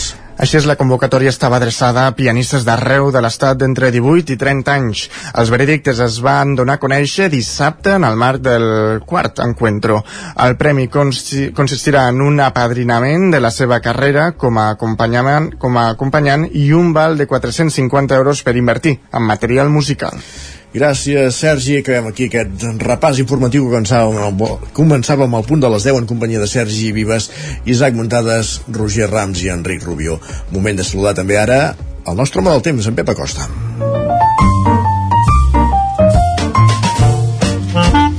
Casa Terradellos us ofereix el temps. Fa un moment hem aprofundit en fer un balanç de l'estiu amb en Manel Dot, ara però volem saber com evolucionarà el temps en les properes hores. En Manel ja s'aventurava a dir que fins al 12 d'octubre no hi haurà canvis. Veurem què ens diu ara en Pep Acosta. Pep, benvingut de nou, bon dia. Hola, molt bon dia. Avui dijous, 5 d'octubre. Què tal esteu? Com va tot? Avui novament, uh, algun núvol ara al matí, algun núvol despistat, algun núvol baix, molt poca cosa. A la tarda, alguna nuvolada a les zones de muntanya del tot inofensives, sense cap precipitació, només quatre núvols per fer una mica bonic. Uh, no hi haurà uh, cap canvi important ni de bon tros el dia d'avui. i les temperatures màximes novament molt altes. Moltes, moltes màximes, la majoria entre els 25 i els 30 graus. Uh, puntualment, en els jocs més càlids, tornarem a superar aquests 30 graus. Uh, això ja s'escapa de tots els de tots els registres, s'escapa de totes les previsions. Uh, és, el, és, és el temps que estem tenint aquests dies, un temps extraordinari que no, que no és bo, eh? no és bo, eh? Hi ha molta gent uh, mig encostipada, molta gent uh, mig engripada, uh, és fruit d'aquesta calor, d'aquesta aquest, uh, fresqueta a la tarda, no sé, tot plegat s'està enrarint, enrarint molt, tot plegat uh, s'està convertint en un clima uh, molt agradable i, i veurem què acabarà passant perquè la situació és molt complicada. I això és tot, és tot el dia d'avui, demà ja parlarem del cap de setmana per tornar a ser un cap de setmana gairebé de juliol o d'agost. Moltes gràcies, adeu. Doncs va, un cap de setmana de juliol a agost cap a la platja, màniga curta i pantaló curt també. Gràcies, Pep. Casa Tarradellas us ha ofert aquest espai. Amb aquest temps serà un gran dia per parlar d'ODS, d'Objectius pel Desenvolupament Sostenible. Demà, en directe, al Territori 17, des de Cardedeu, a la Fira de l'Economia Social i Sostenible, ja us ho hem dit abans, durant 3 hores eh, serem en directe a la Fira de, de Cardedeu. I ara el que fem tot seguit al Territori 17 és parlar de cuina. Territori 17. Envia'ns les teves notes de veu per WhatsApp al 646 079 023. 646 079 023. WhatsApp Territori 17.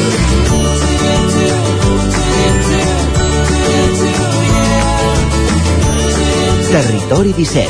Som a Facebook, Twitter i Instagram amb l'usuari Territori 17.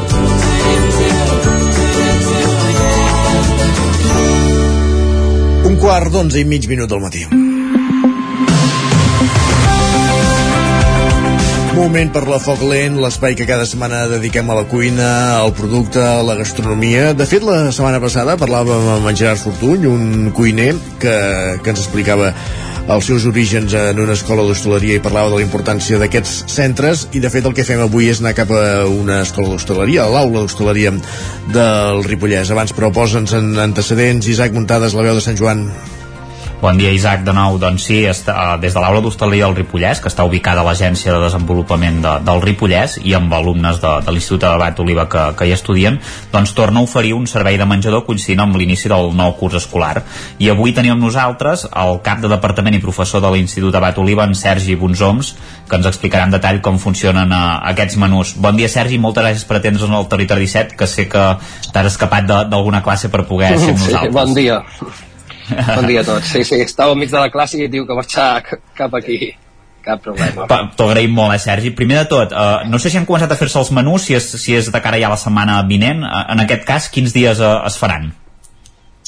Mira, aquesta setmana el que hem fet, clar, com que hem arrencat el curs ara fa res, el que estem fent aquesta setmana és un simulacre intern per començar a veure una mica el funcionament i el que els nens ho puguin començar a veure tot. El que fem és, entre alumnes que estem aquí estudiant i els professors treballem, fem com si féssim un servei normal per clients, però entre nosaltres. De moment, aquesta setmana encara tenim el menjador tancat, però de cara a la setmana que ve ja queda obert cap, a, cap al públic. Hi ha hagut algun canvi, Sergi, respecte a l'any passat? És a dir, o enguany es fan només els dimecres i els, dijous? No sé si abans es feien més o menys dies. Um, abans, inicialment, quan jo vaig començar a treballar aquí, es feia tres dies, que era dimarts, dimecres i dijous. Però ara ja fa algun any que només treballem, el, només tenim obert dimecres i dijous. Més que res perquè dimarts és un, el, el dia que ens arriba tot el producte, és quan ens arriba tot i ens trobàvem que anàvem sempre una mica massa precipitats. Per tant, el que deixem uh, lliure el dimarts per poder preparar algunes elaboracions, una mise en place, com diem, així dimecres ja, ja ho tenim tot una mica més engraçat. Mm -hmm. Qui són els alumnes que fan els menús? Sí, digues, digues, perdona, Sergi. No, ja dic, els dies que tenim obert és tant dimecres com dijous. Uh -huh. uh, això que et comentava, eh? Qui, quins són els alumnes que fan els menús? És a dir, qui, quins graus estudien i, i, i quants n'hi teniu que estiguin treballant en aquest menú? Ara comentes això, eh? que esteu fent aquests simulacres interns de cara a preparar-vos. Uh, no sé quanta gent hi treballeu. Si al fi al cap és que hi, tra eh, eh, hi treballem tota l'escola.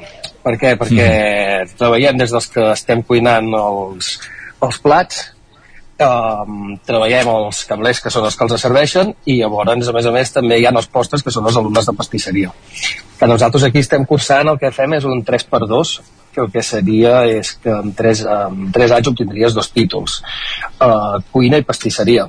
El primer any tenim els mòduls que són comuns, treballem tant una cosa com l'altra, i després que de cara al segon any o fan cuina o fan pastisseria i llavors el tercer any acaben de complementar els estudis amb els altres. Uh -huh. A sobre hi ha l'oportunitat aquí que el fet de tenir el restaurant obert als clients doncs també fan pràctiques de sala se'ns ensenya el tema vins el tema de cafès serveis per clients, etc. Uh -huh. Què ha de fer algú que vulgui venir a, a dinar a l'aula d'hostaleria? Quin és el preu del menú? Eh, S'ha de reservar? Com, com funciona tot plegat? Sí, uh, anem amb, amb, amb prèvia reserva perquè per, per no, que no, no hi hagi una sobreproducció i que no, que, que no s'obri molt menjar i sí, um, s'ha de trucar aquí un consorci, al qual ja tenim nosaltres un dret compartit, on ja es van apuntar les reserves i els menús funcionen sempre de, amb quatre plats. Un entrant fred, un entrant calent, un peix, una carn, postres, pet i furs. I el preu del menú és de, de 15 euros. Mm -hmm. I per tant és... Uh, no sé si... Digues, digues, Isaac. No anava a preguntar. Per tant, és un únic menú per tothom o es pot triar en certa manera? No, és un únic menú tancat per tothom, ja dic, eh? però que costa de quatre plats, eh? l'entrant fred, l'entrant calent, un peix i una carn. Um, antigament es anava canviant el menú cada setmana, però ara el que fem és de cada 15 dies, o sigui que durant 15 dies es troba el mateix menú. Uh -huh. uh, no sé si teniu molta gent que us ve a, a menjar perquè la capacitat que té el menjador però em sembla que em consta que sí, eh, que, que ompliu ràpid eh, que s'ha d'anar uh, ràpid a reservar eh, perquè si no et quedes sense taula eh? Sí, ara els primers dies, clar, com que ja hi ha molta gent que ho demana, eh? quan obrireu, quan obrireu, quin és el dia que, que hi ha l'obertura però la que comencem una mica la roda llavors pues, estem parlant que hi ha vegades que dues setmanes, amb dues setmanes vista ho tenim ja tot ple Vull dir que, que sí, és interessant trucar perquè, perquè si no hi ha pocs llocs Molt bé, Sergi. Uh, això abans, ja ens, uh, abans ens apuntaves cap on va el menú, que llavors va variant en funció del producte i de, de la setmana. La setmana que ve cobriu, uh, quin serà el menú? Quin tipus de peix, quin tipus de carn? Que, aquesta, que ja és el menú que estem treballant aquesta setmana. Correcte. Tenim una bitxis, una bitxissuàs, Uh, bueno, llavors com que anem treballant amb diferents productes i temperatura això, doncs fem una bitxissuàs amb una ou a baixa temperatura, un stick tartar de vedella d'aquí al Ripollès, un rap amb rossinyols i llavors tenim un filet de porc amb carbassa. Perquè hem tocat també sempre productes de temporada i sempre tots els menús el que fem és introduir-hi com a mínim un producte d'aquí del Ripollès. El rap no és el cas, eh? El rap no és el cas. no. Ara t'ho anava a preguntar, eh, de fet, eh, la importància eh, d'introduir producte de, del Ripollès, evidentment també estan amb eh, d'hostaleria del Ripollès i amb, i amb, amb l'agència de desenvolupament del Ripollès, doncs és, és important. No sé amb quins productors eh, soleu treballar d'aquí la comarca, qui, quins productes sobretot hi afegiu per posar algun exemple, eh, de no és, no, més que productors és que mirem de tocar-los una mica tots no? És a dir, ni aquí no en concret o sé jo toquem tant el làctic com o, ser el porc com podria ser la mel, com podria ser la marella o sigui, dins de cada menú o la cervesa el que sigui, dins de cada menú mirem d'aquí com a mínim hi hagi un producte. I llavors pues, depenent pues, parlem amb un productor o amb l'altre o podem potenciar una mica el que seria això, no? la marca d'aquí en Ripollet sí que eh, aquest exercici, aquests menús, aquest servei de restaurant, per entendre'ns, permet que, que els estudiants, que els, els nois s'acostumin a, a un ambient laboral d'un restaurant. Hi ha molta pressió, eh, els permet aprendre més ràpid, diguéssim, quines, quines són les situacions amb les que es troben? Bueno, també es munta una mica el sistema aquest d'obrir, que això, tot, en principi totes les escoles d'hostaleria funcionen d'aquesta manera. És perquè és fer el més, eh, un simulacre el més real que et puguis trobar una vegada arribis en el món laboral. I, i els nanos veuen llavors el funcionament de com, com és en realitat. Ara els primers dies sí que, sí que els nanos estan bastant nerviosos, però llavors a la que comencen a agafar la roda, també comencen a fer pràctiques en restaurants, pues, pues es va calmar l'assumpte. Ara ho deies, pràctiques a, a restaurants eh, fa d'un temps cap, cap aquí sentim que des del món laboral eh, es troben a faltar professionals en molts àmbits, en tots m'atreviria a dir, però un dels que sentim sovint és el de la restauració, falta cambrers, falta gent a, a cuina, us els prenen pràcticament els estudiants o com, quina és la, la sensació des de l'escola? Bueno, el que, el, el que està clar és que des d'aquí a l'institut, que tenim molts cicles de, tant de cuina com de pastisseria, eh, com a tots els cicles formatius, els nanos han de realitzar unes pràctiques a l'empresa. I tots els que han volgut, una vegada han acabat, han trobat feina.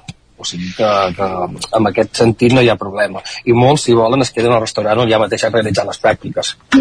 Mm -hmm. Solen ser restaurants de la comarca, Sergi, perquè és una comarca que hi ha molts restaurants aquí al Ripollès. Eh, no han d'anar gaire lluny per treballar, diguéssim, ja, ja se, se, se senten aquí Clar, al Ripollès? Depèn de, depèn d'on ens vingui l'alumne, doncs se li busca les, les, el local per poder fer les pràctiques d'allà on sigui ell. Només que la política és si ell té algun lloc interessat, no, tu fes el contacte amb l'empresa, si tothom està d'acord, muntes el conveni, i si no, nosaltres també tenim una borsa en diferents restaurants per, si ens trobem algun cas de que algú no conegui ningú. ningú. Per què d'on ve l'alumne? I podem oferir un lloc. Per què d'on ve l'alumne? Ara apuntàvem al Ripollès, però si no tinc mal entès, el nord d'Osona també és un nucli d'alumnes de, de, de l'aula del Ripollès. Sí, tenim alumnes que ens venen des d'Osona, de la Garrotxa i d'aquí del Ripollès, vull dir que, que, que ens venen de diferents punts d'aquí als voltants. Uh -huh. uh, et volia fer una última pregunta, Sergi, també, bueno, uh, per, tornant, uh, reprenent els menús, els menús fins, fins quina època els feu? I entenc que també en feu alguns especials, eh? per exemple, poder quan s'acosta Nadal uh, feu alguna cosa especial, també quan hi ha fires... Sí, sí, sí, bueno, com dic, primer tot traiem també productes i la temporada, o sigui, anem tocant estacionalitats i també l'estació eh, que estem, doncs també hi ha un producte o un altre, i quan són dates fixes com pot ser un Nadal o, un dijous jardí o alguna cosa d'aquestes, doncs toquem menú propi com a tal. I els menús els fem fins que acabem les classes, que seria pues, fins al maig, més o menys. Mm -hmm. Aproximadament un any s'avança una setmana més, un any s'avança una setmana menys, però comencem sempre sobre l'octubre fins a maig. Mm -hmm. Doncs Sergi Bonsoms, cap de Departament i professor de l'Institut de Bat Oliva de, de Ripoll, gràcies per acostar-nos una mica a la realitat de, de la formació en cuina, de la formació en hostaleria, de l'aula d'hostaleria també de, del Ripollès, avui aquí al Territori 17, en aquest espai que cada setmana dediquem precisament a parlar de cuina, però avui també hi hem volgut fer aquest, eh, aquesta derivada cap a, cap a la formació. Sergi, moltíssimes gràcies. Bon dia. Home, a vosaltres. Molt bé, bon dia i evidentment parlar també d'aquest servei de, de menjador que ofereixen des d'aquest de, centre. Isaac, un matí més, gràcies i de fet no t'acomiado perquè encara tornarem a parlar avui, hem de parlar de sèries a la recta final del programa, eh? Hem de parlar de sèries, va, fins després. Gràcies. Doncs hem conegut aquesta experiència de l'aula d'hostaleria de, del Ripollès. Bé, de fet ho apuntaven Sergi Bonsoms, replicable a moltes aules d'hostaleria, eh, molts d'altres punts de, del territori sense anar més lluny, la, la d'Osona que està a Tona. Acabem aquí, com dèiem, a la Foc Lent, però no al territori 17. Ara farem una petita pausa i després ja ens esperen Guillem Sánchez amb les piolades del dia. Veurem si avui van relacionades amb el que va fer el Barça al camp del Porto i després serà moment de parlar de cinema amb en Gerard Fosses desplaçat al Festival Internacional de Cinema de Sitges i amb en Joan Garcia des de la veu de Sant Joan. I com dèiem, si tenim temps al final alguna recomanació de sèries en companyia de, de l'Isaac Muntades. Tot seguit una petita pausa, com dèiem i tornem al Territori 17 i us ho recordem demà al Territori 17 de 3 hores i en directe des de la Fira de l'Economia Social i Sostenible de Cardedeu. Ara però una pausa, fins ara mateix el 9 FM, la ràdio de casa, al 92.8. Nova convocatòria de 850 places a Mossos d'Esquadra, amb la reserva del 40% per a dones. Ara pots formar part de la Policia Integral de Catalunya. Som compromís, vocació de servei i proximitat. Ens faltes tu. Més informació a mossos.gencat.cat barra convocatòria Mossos. Presentació de sol·licituds fins a l'11 d'octubre. Generalitat de Catalunya. Sempre endavant.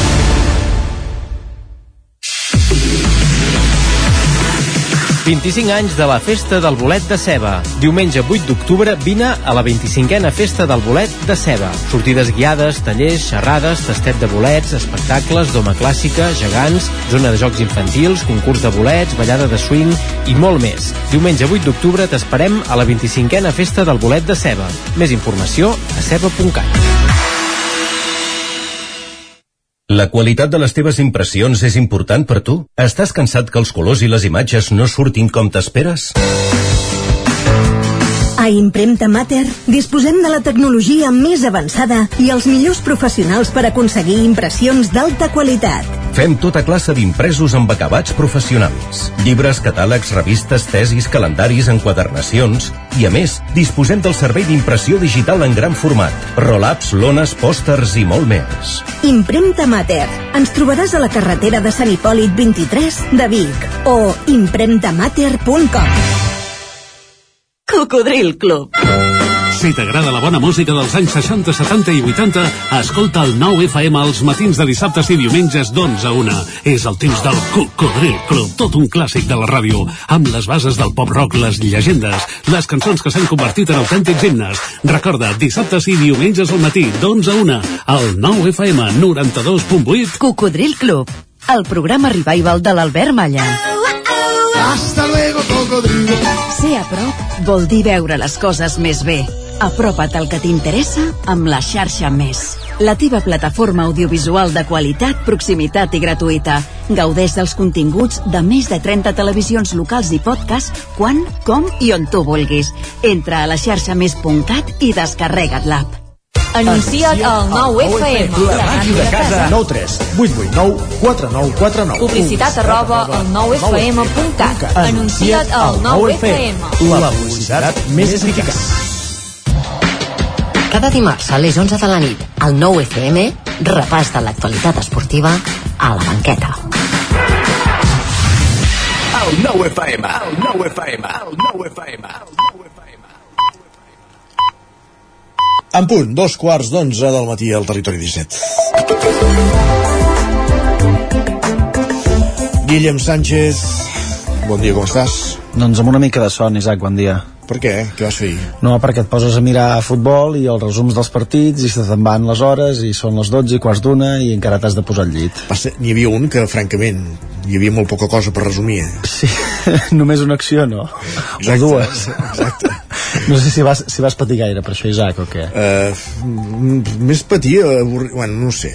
És que... Sensació estranya, no? Sí, sensació estranya. Allò que, que no, veus que no evolucionem, que fa, que, que fa 3 anys que vivim un bucle, bueno, 3 temporades que vivim un bucle, però si sumem ja les anteriors unes quantes més, i la cosa és que... Diguem que el millor d'ahir potser va ser el resultat, diguem sí, no, així, no? sens dubte, i que potser aquest any passem de la fase de grups, però clar, és que passaràs a la fase de grups, però és que eh, no arribaràs ni a la, magi, ni a la mitja part del primer partit de vuitens. Eh? Millor passar com a primers, no? Per això que no et toqui un rival d'aquests que llavors jo, Va, que no sí, t'esperis. O sigui, com diria muntar de jugues amb el Camp de Bànol, el Ripoll i el, i el Camprodon és normal, no? Que, que quedis primer, però en fi, és igual. Va. Doncs va, llegim alguns comentaris que ens deixen aquest matí a les xarxes. Per exemple, la Clara que ens comenta, diu, m'he enganxat al Barça de Xavi perquè m'han explicat dues historietes, la del Tauró i la del Lamin. Diu, és ben bé que vivim de literatura. El que no sabem és si és literatura universal o és literatura de, de, de passo que t'emboli. La del Tauró fa gràcia. El segon usuari ens comenta també, diu, sí, el més important d'avui era guanyar i s'ha guanyat, però quin desastre, quin drama, tant el mal joc, la poca intensitat, les incomprensibles i grans pèrdues de pilota, com les lesions. Diu, i és només el Porto. En fi, si del Barça és un patiment constant i ho passarem fatal. També s'ha de dir, típic comentari d'un aficionat del, del Barça, eh, aquestes alçades de temporada, no, no em sorprèn gaire. Com tampoc, coses com les que escriu, per exemple, l'Andreu que ens diu Cancelo fa unes mans claríssimes i el tio diu que tenia les mans enganxades al cos diu senyor, hi ha 300 càmeres gràcies a Déu que existeix el bar són mans del jugador de la Porto encara que els de Movistar els costi tant de veure també seguim insistint Però, però eren flagrants aquelles mans del jugador del Porto, val a dir-ho, però vaja, sí. Sí, i encara hi ha gent que, se- que se sorprèn. Ara bé, Isaac, no sé si el nom propi del partit potser va ser un altre, no, ahir? Ja, per altres circumstàncies. Sorprèn-me. Bueno, què li, què li va passar a la Min? Ah, sí. li va venir mal de ventre. I això també ha generat molts comentaris a xarxes. En destacarem només un, que és el següent. Diu, entenc moltíssim que si la Mini Amal ha anat al lavabo hagi tardat tant. Diu, quan t'hi poses, obres TikTok i entre els vídeos de cuina, les jugades de Messi, els millors cops de Federer i algun blog d'un influencer et passen els minuts que no t'enteres i fa estona que has acabat. També és cert. Ja només faltaria això que s'hagués endut el mòbil a, cap allà. I tot i que jo no ho he trobat, jo no ho he trobat, per tant no puc dir si és veritat o no, Uh, si això que diu en Joan és cert, també seria gros. Ja. Diu, el nou esportiu va titular La mini amb mal de panxa. Dic, ja només faltaria això. No l'he vist. Ja només faltaria això. Va, deixarem aquí el tema Barça i ens darem un altre meló. La Margalida ens presenta el següent. Diu, la impuntualitat és una falta de respecte perquè el teu temps val el mateix que el meu, però no esteu preparats per aquesta conversa. Més un, més dos, més tres i més cinc. No suporto la gent que no és, que no és puntual. Ho deixo dit, dit aquí, eh, ja? Jo també m'hi sumo, va. La Luïsa respon al següent. Diu, tinc una cita un dia a la setmana amb una persona que sempre arriba com a mínim 15 minuts tard a primera hora del matí i sempre diu, és que tinc mil coses a fer Els altres no. i ella diu, els, clar Els altres no. ella, Sí. ella diu, clar, jo em passo el dia tirada al sofà i dos, organitza't millor i t'aixeques 15 minuts abans Per exemple. així de fàcil, no?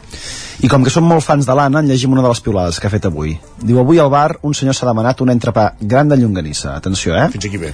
suc de taronja Bé. croissant de xocolata Carai. i cafè amb llet amb la llet normal i un extra de polsim de cacau. Mentre s'ho menjava a la terrassa l'hem mirat amb enveja jo i el meu entrepà de tonyina. El croissant, sabem si era de Can Carriel? No sabem, no sabem això, però ja només faltaria que, que fos també d'aquesta banda. Va, i acabarem amb el missatge d'en Xevi Font per xarxes. Ja. Ens escriu excuses entre parèntesis reals de l'administració per no pagar factures a 30 dies. Atenció, eh? Alerta. El de la comptabilitat està de vacances.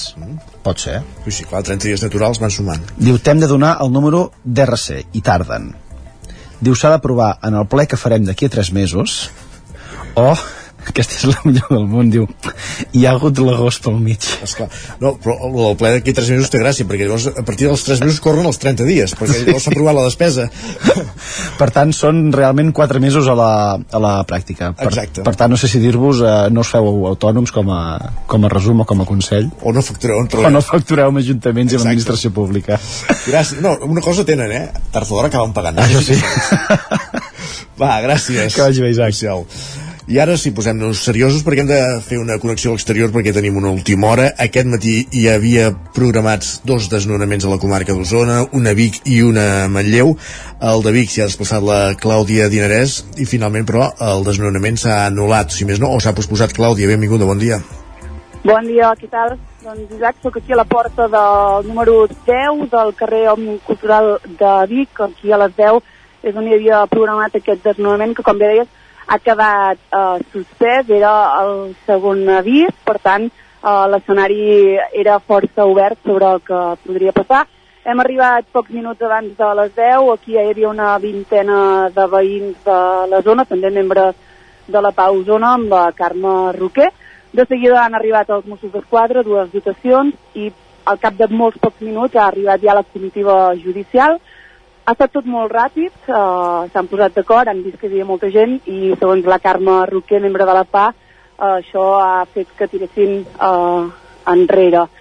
Ell ens deia que han anat molt de bones, que s'hi han posat molt bé i de seguida ha començat la celebració. Per tant, eh, nosaltres sí que acabem de baixar de, de l'immoble, on, aquest immoble que s'havia de desnonar, on la família ha ofert pastes a, a tothom qui ha vingut, a periodistes inclosos. El que passarà ara, però, queda uh, molt obert també. Ja no se sap uh, si ara poden tornar en qualsevol moment o si aquesta família, una família uh, de dos adults i tres menors, uh, pot ser desnudada en qualsevol moment. Per tant, uh, la sensació era de felicitat, però Continguda. mm, de molta incertesa també pel que pugui passar en els propers dies, mesos. Perquè es veu a venir que, torna, que poden tornar a haver-hi desnonaments eh, sovint i sempre és una, Exacte. una mala notícia. Exacte. De fet, eh, nosaltres som aquí, però ara d'aquí res, en aquests moments ja està previst un altre, un segon desnonament eh, a Manlleu. Mm, El reclam de la PA sempre és el mateix. Aquest pis on ens trobem ara és propietat de la Caixa. Ells el que demanen és que eh, d'una vegada aquests pisos s'ofereixin a, a lloguer social perquè és el que deia des de la PA, vull dir, si aquesta família avui l'haguessin desnonat, eh, no tenien un pla B. Uh -huh. Per tant, el reclam sempre és el mateix i ells alerten de que els desnonaments ara tornaran a agafar una volada important. Doncs estarem al cas, ho tindrem present. Gràcies, Clàudia, per aquesta última hora. Fins ara. Fins ara, bon dia. I ara sí, deixem enrere ja la sintonia de les privades i anem cap al cinema.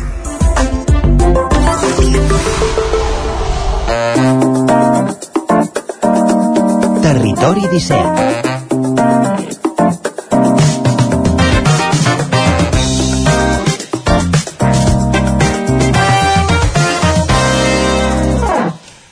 Doncs ara, dos quarts i mig d'onze del matí, anem cap al cinema, com cada setmana des de la veu de Sant Joan amb en Joan Garcia i en Gerard Fossas.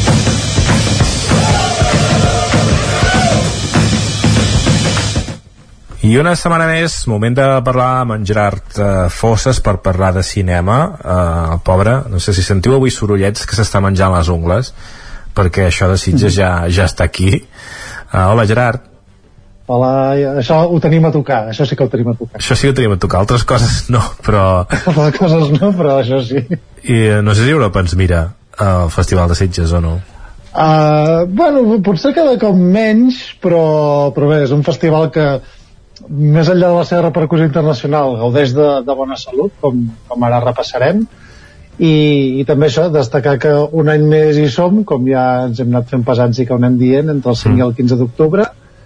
I, i anirem això, anirem fent repàs de, de les pel·lícules que, que es van passant. I, i la primera ja és aquest mateix dijous però si un cas en parlarem divendres perquè encara no, no hem pogut veure res. O sigui que farem una mica de repàs de coses destacades, donarem informació de servei mm. i a partir de demà hi entrarem en, en el que són les pel·lícules. Molt bé, en tot cas això, comencem mm. per les pel·lícules que podem veure als cinemes aquest cap de setmana en destacarem, en vols destacar una i que a més a més també està relacionada amb el cinema de por i fantàstic Sí, ara és l'època, l'Spooky Season, que diuen els, els anglosaxons, que és l'època aquesta de, del terror, perquè s'acosta Halloween tot plegat, i, i Bé, el film d'estrena que destaquem aquesta setmana és, és un film que hagués pogut estar a Sitges tranquil·lament. Uh, suposo que per criteris de, de la distribució espanyola i d'estrena mundial també, perquè és una estrena mundial no, no, no ha pogut passar. Um, el tema és això, que és una pel·lícula de terror bastant esperada que es titula El exorcista creyente. ¿Qué cree usted que es el mal? Le diré lo que creo yo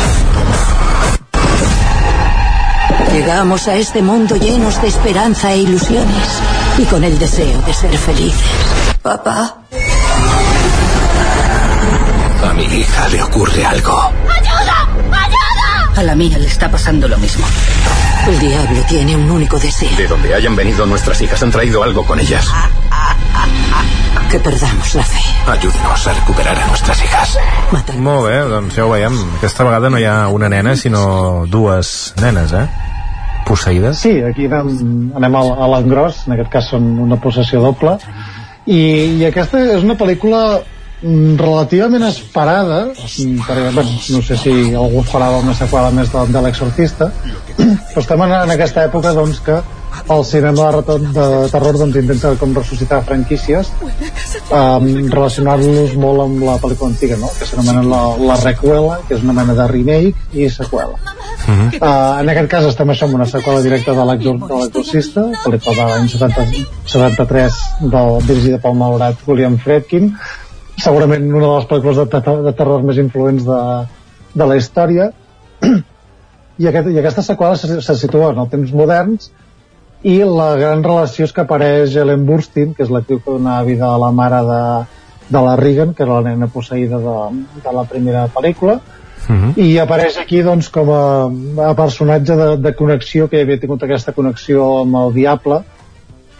i que ajuda, en aquest cas, el pare protagonista doncs, a, a solventar doncs, aquest, uh, aquesta possessió de, de la seva filla i d'una amiga seva. Uh -huh. De fet, a, a, en el trailer es veu eh, que el, representa que el dimoni a través de les noies la reconeix eh, a, la, a la mare?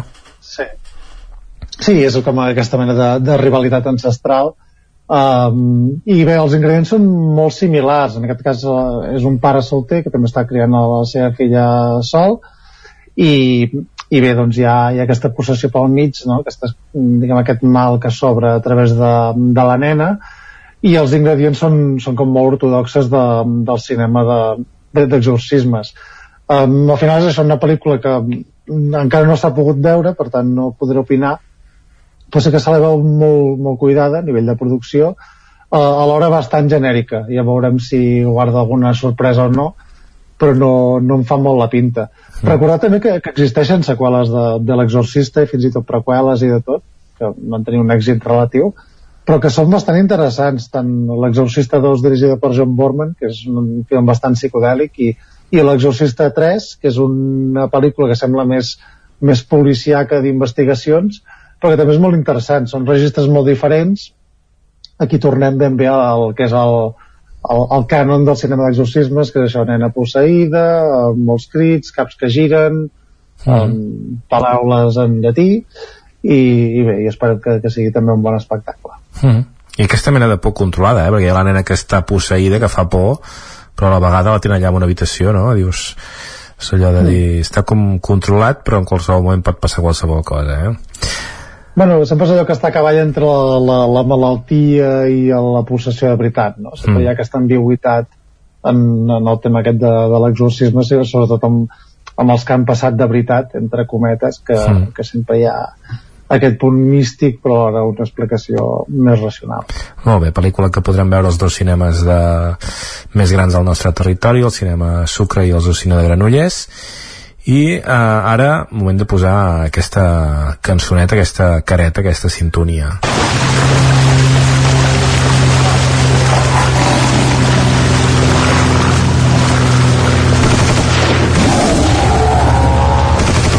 la posem cada any els uh, avions intenten atacar uh, a un simi gegant en King Kong això és l'entradeta a Sitges i també a la nostra secció Uh, digues, digues.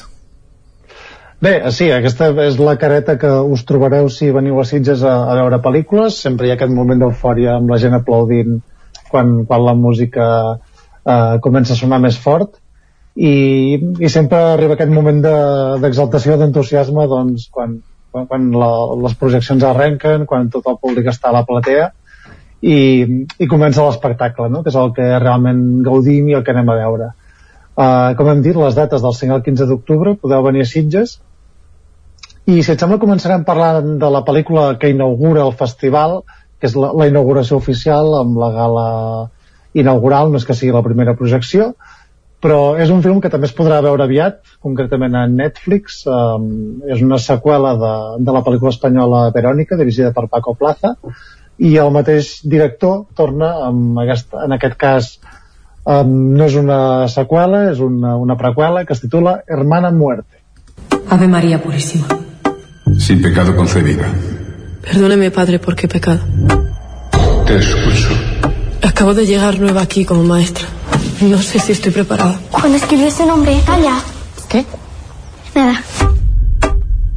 Tengo duda. ¿Tú? No la mires, Ana María. La niña santa. María, Madre de Gracia. Tu don es un regalo del cielo. Tu llegada a este convento tiene... Molt bé, és curiós, eh? La relació entre, la, últimament, entre les pel·lícules de por i les monges. M'agradaria saber si, si hi ha monges que miren aquestes pel·lícules i les gaudeixen. Doncs seria molt interessant i fins i tot trobar-te-les al cinema estaria bastant bé, però sí que és veritat que, que últimament s'ha posat de moda aquest subgènere amb monges. Mm -hmm. I, i bé, en aquest cas explica aquesta història de l'hermana muerte que no sé si, si has vist Verònica o la recordes. No. Però eh, ens posarem en context. Era Verònica és, és, està basada en fets reals en una història que va passar a Madrid d'una noia adolescent que, que va morir que deien que estava posseïda. I és el, el primer cas policial d'Espanya amb el qual diguem que la gent de policia menciona directament fenòmens paranormals perquè hi ha coses allà que no, que no va saber explicar no? Mm.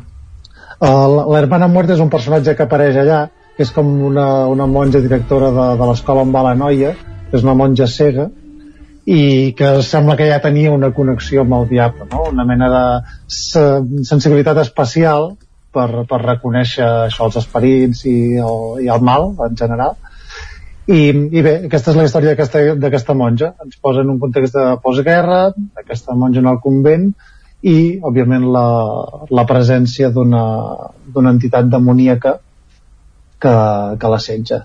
Uh, a partir d'aquí veurem com, com funciona. Uh, tot i així, jo tinc les, la confiança molt, molt elevada perquè Paco Plaza ha demostrat que és un grandíssim director, sobretot a partir de Rec 3, no? aquesta independència que va agafar de, de Jaume Balagueró, li va servir també doncs, per consolidar-se o per fer-se un nom més propi, eh, més enllà de la saga Rec, i en films com Verònica o últimament l'Abuela doncs, ha demostrat que és un grandíssim director. I aquí tornar, tornant a un terreny conegut amb, amb, agafant aquest personatge que realment era molt, molt fascinant doncs veurem si, si manté el llistó tan alt com l'està tenint últimament. Molt bé, doncs aquest film inaugural de Sitges, Hermana Muerte, que per cert també veiem que s'estrena aviat a, a Netflix. Sí, sí, el, el 27 d'octubre ja, ja es podrà veure a plataforma. Molt bé. Què més ens vols explicar de Sitges? Uh, mira, una mica d'informació de servei, perquè, òbviament, és, és un festival de cine i la gent va veure pel·lícules, però hi ha moltíssimes uh, activitats um, paral·leles. Uh, trobar entrades costarà bastant, perquè de fet aquest any és un, un any de rècord d'entrades venudes, com cada any, quasi bé. Però sí que és veritat que aquest any hi ha hagut molts abonats i només el primer dia que es van posar a la venda d'entrades, que és només per abonats, uh, se'n van vendre 10.000 més que, que l'any anterior.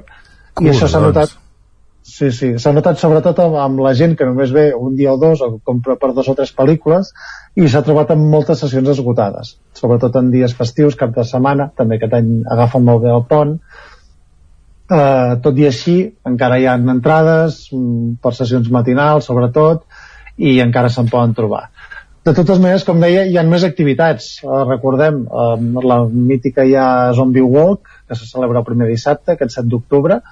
En aquest cas, Mari Lambert, que és la directora de, del film original de Cementerio d'Animales, serà com la, la pregonera, no? que sempre hi ha algú que dona el temps de sortir de, a la Zombie Walk eh, és una activitat molt, molt divertida per anar a veure, després hi ha, hi ha tallers de maquillatge, hi ha, hi ha concerts, hi ha activitats per tots els públics també en els diferents espais del, del festival, eh, per exemple per, per infants també hi ha tallers de màscares, de collage, de stop motion, de maquillatge, hi ha contacontes, eh, fan projeccions gratuïtes tant, tant al Brigadunt com un espai nou allà al Mercat Vell, Um, Brigadunt, per cert, mencionar que ha canviat d'ubicació, no es farà com es feia habitualment a l'escorxador, perquè aquest any estan obres, sinó que es farà en unes sales que hi ha a baix de l'hotel Malià, al mateix lloc on hi ha les taquilles, i també hi ha moltes exposicions per, per veure. Uh, per tant, um, és també un recordatori que el festival no és només uh, anar al cinema, sinó que hi ha tot de d'activitats obertes que es poden gaudir amb família, amb amics i que, diguem que obren les portes al poble i també al públic que, que potser no és tan fan del cinema de terror però que poden allà doncs, a, a gaudir de, de l'ambient mm -hmm. Molt bé uh, dir això, eh, que per exemple el dijous de la setmana que ve que és el moment en què es fa aquesta secció és, és festiu uh, mm.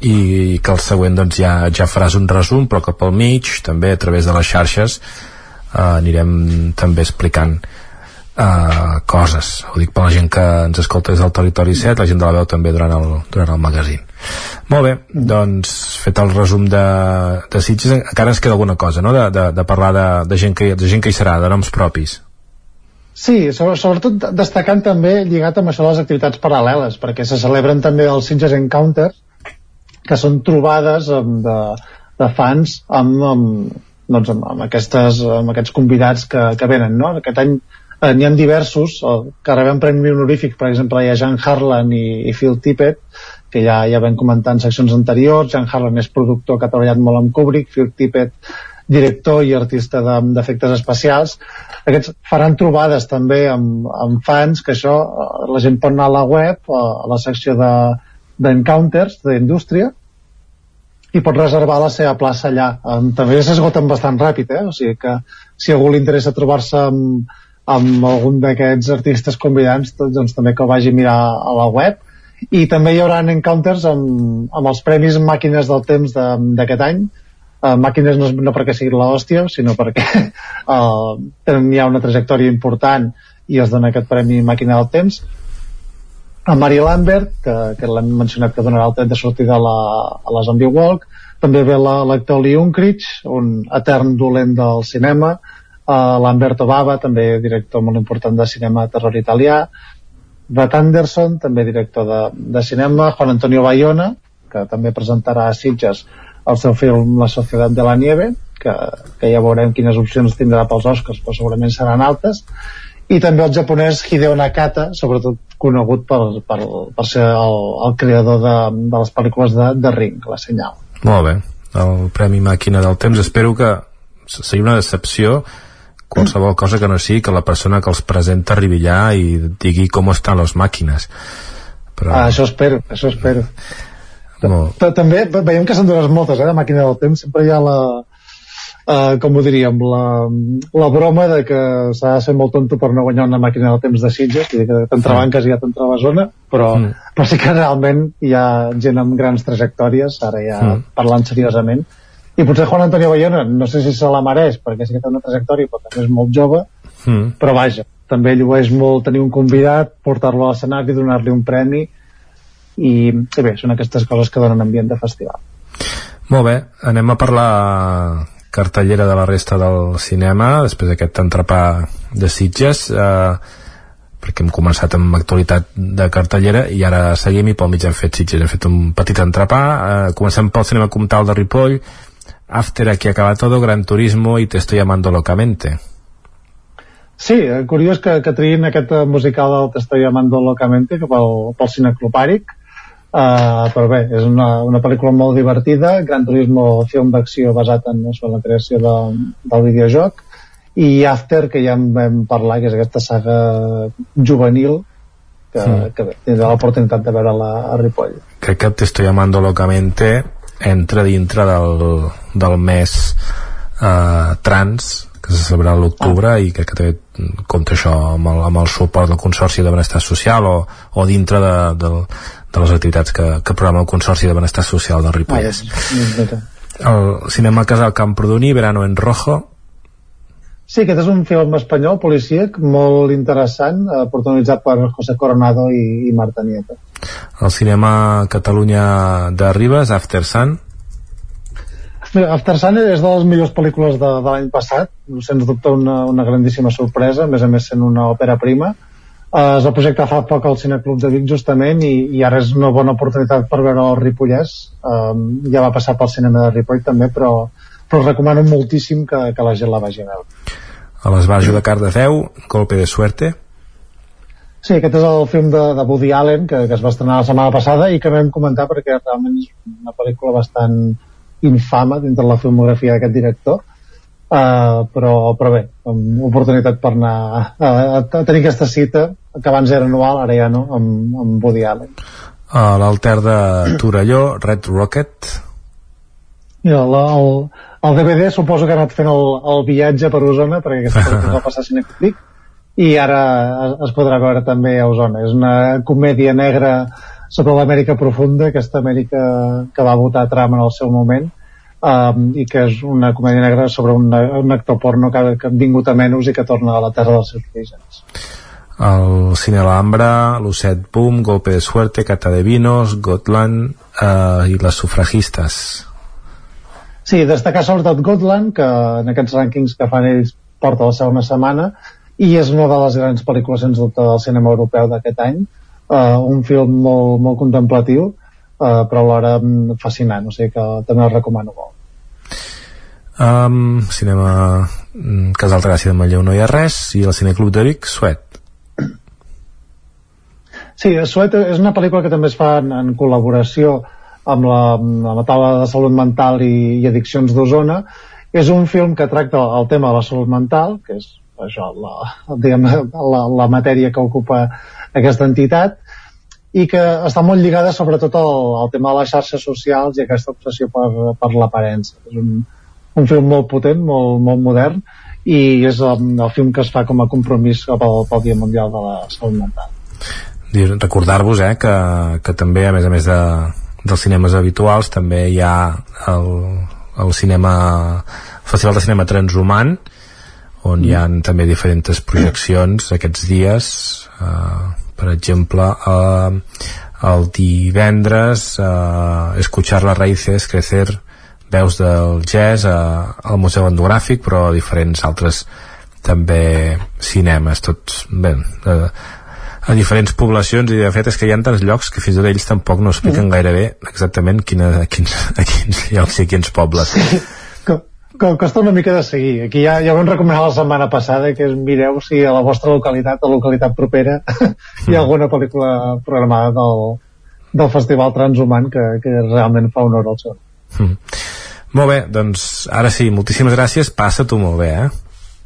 M'ho passaré molt bé, no descansaré gens i, i sobretot doncs, us seguiré explicant doncs, com, com avança tot i quines són les, les pel·lícules més interessants que, que ens podem trobar. Doncs moltes gràcies, que vagi molt bé. Moltes gràcies, adéu-siau.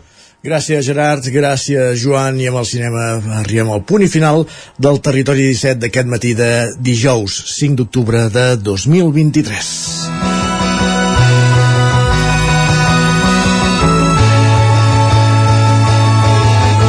Demà, com us dèiem, serem a Cardedeu en directe des de la Fira de l'Economia Social i Sostenible que s'hi celebra aquest cap de setmana i oferint un territori 17 centrat en els ODS i de 3 hores entre les 9 i les 12 serà, però com dèiem demà, avui us hem acompanyat des de les 9, Roger Rams, Enric Rubio, Miquel Giol, Pepa Costa, Isaac Muntades, Guillem Sánchez, Clàudia Dinanès, Gerard Fossa, Joan Garcia, Sergi Vives, Isaac Moreno. El territori 17 i torna demà a les 9 des de Cardedeu fins aleshores. Gràcies per ser-hi. Molt bon dijous. Adéu-siau.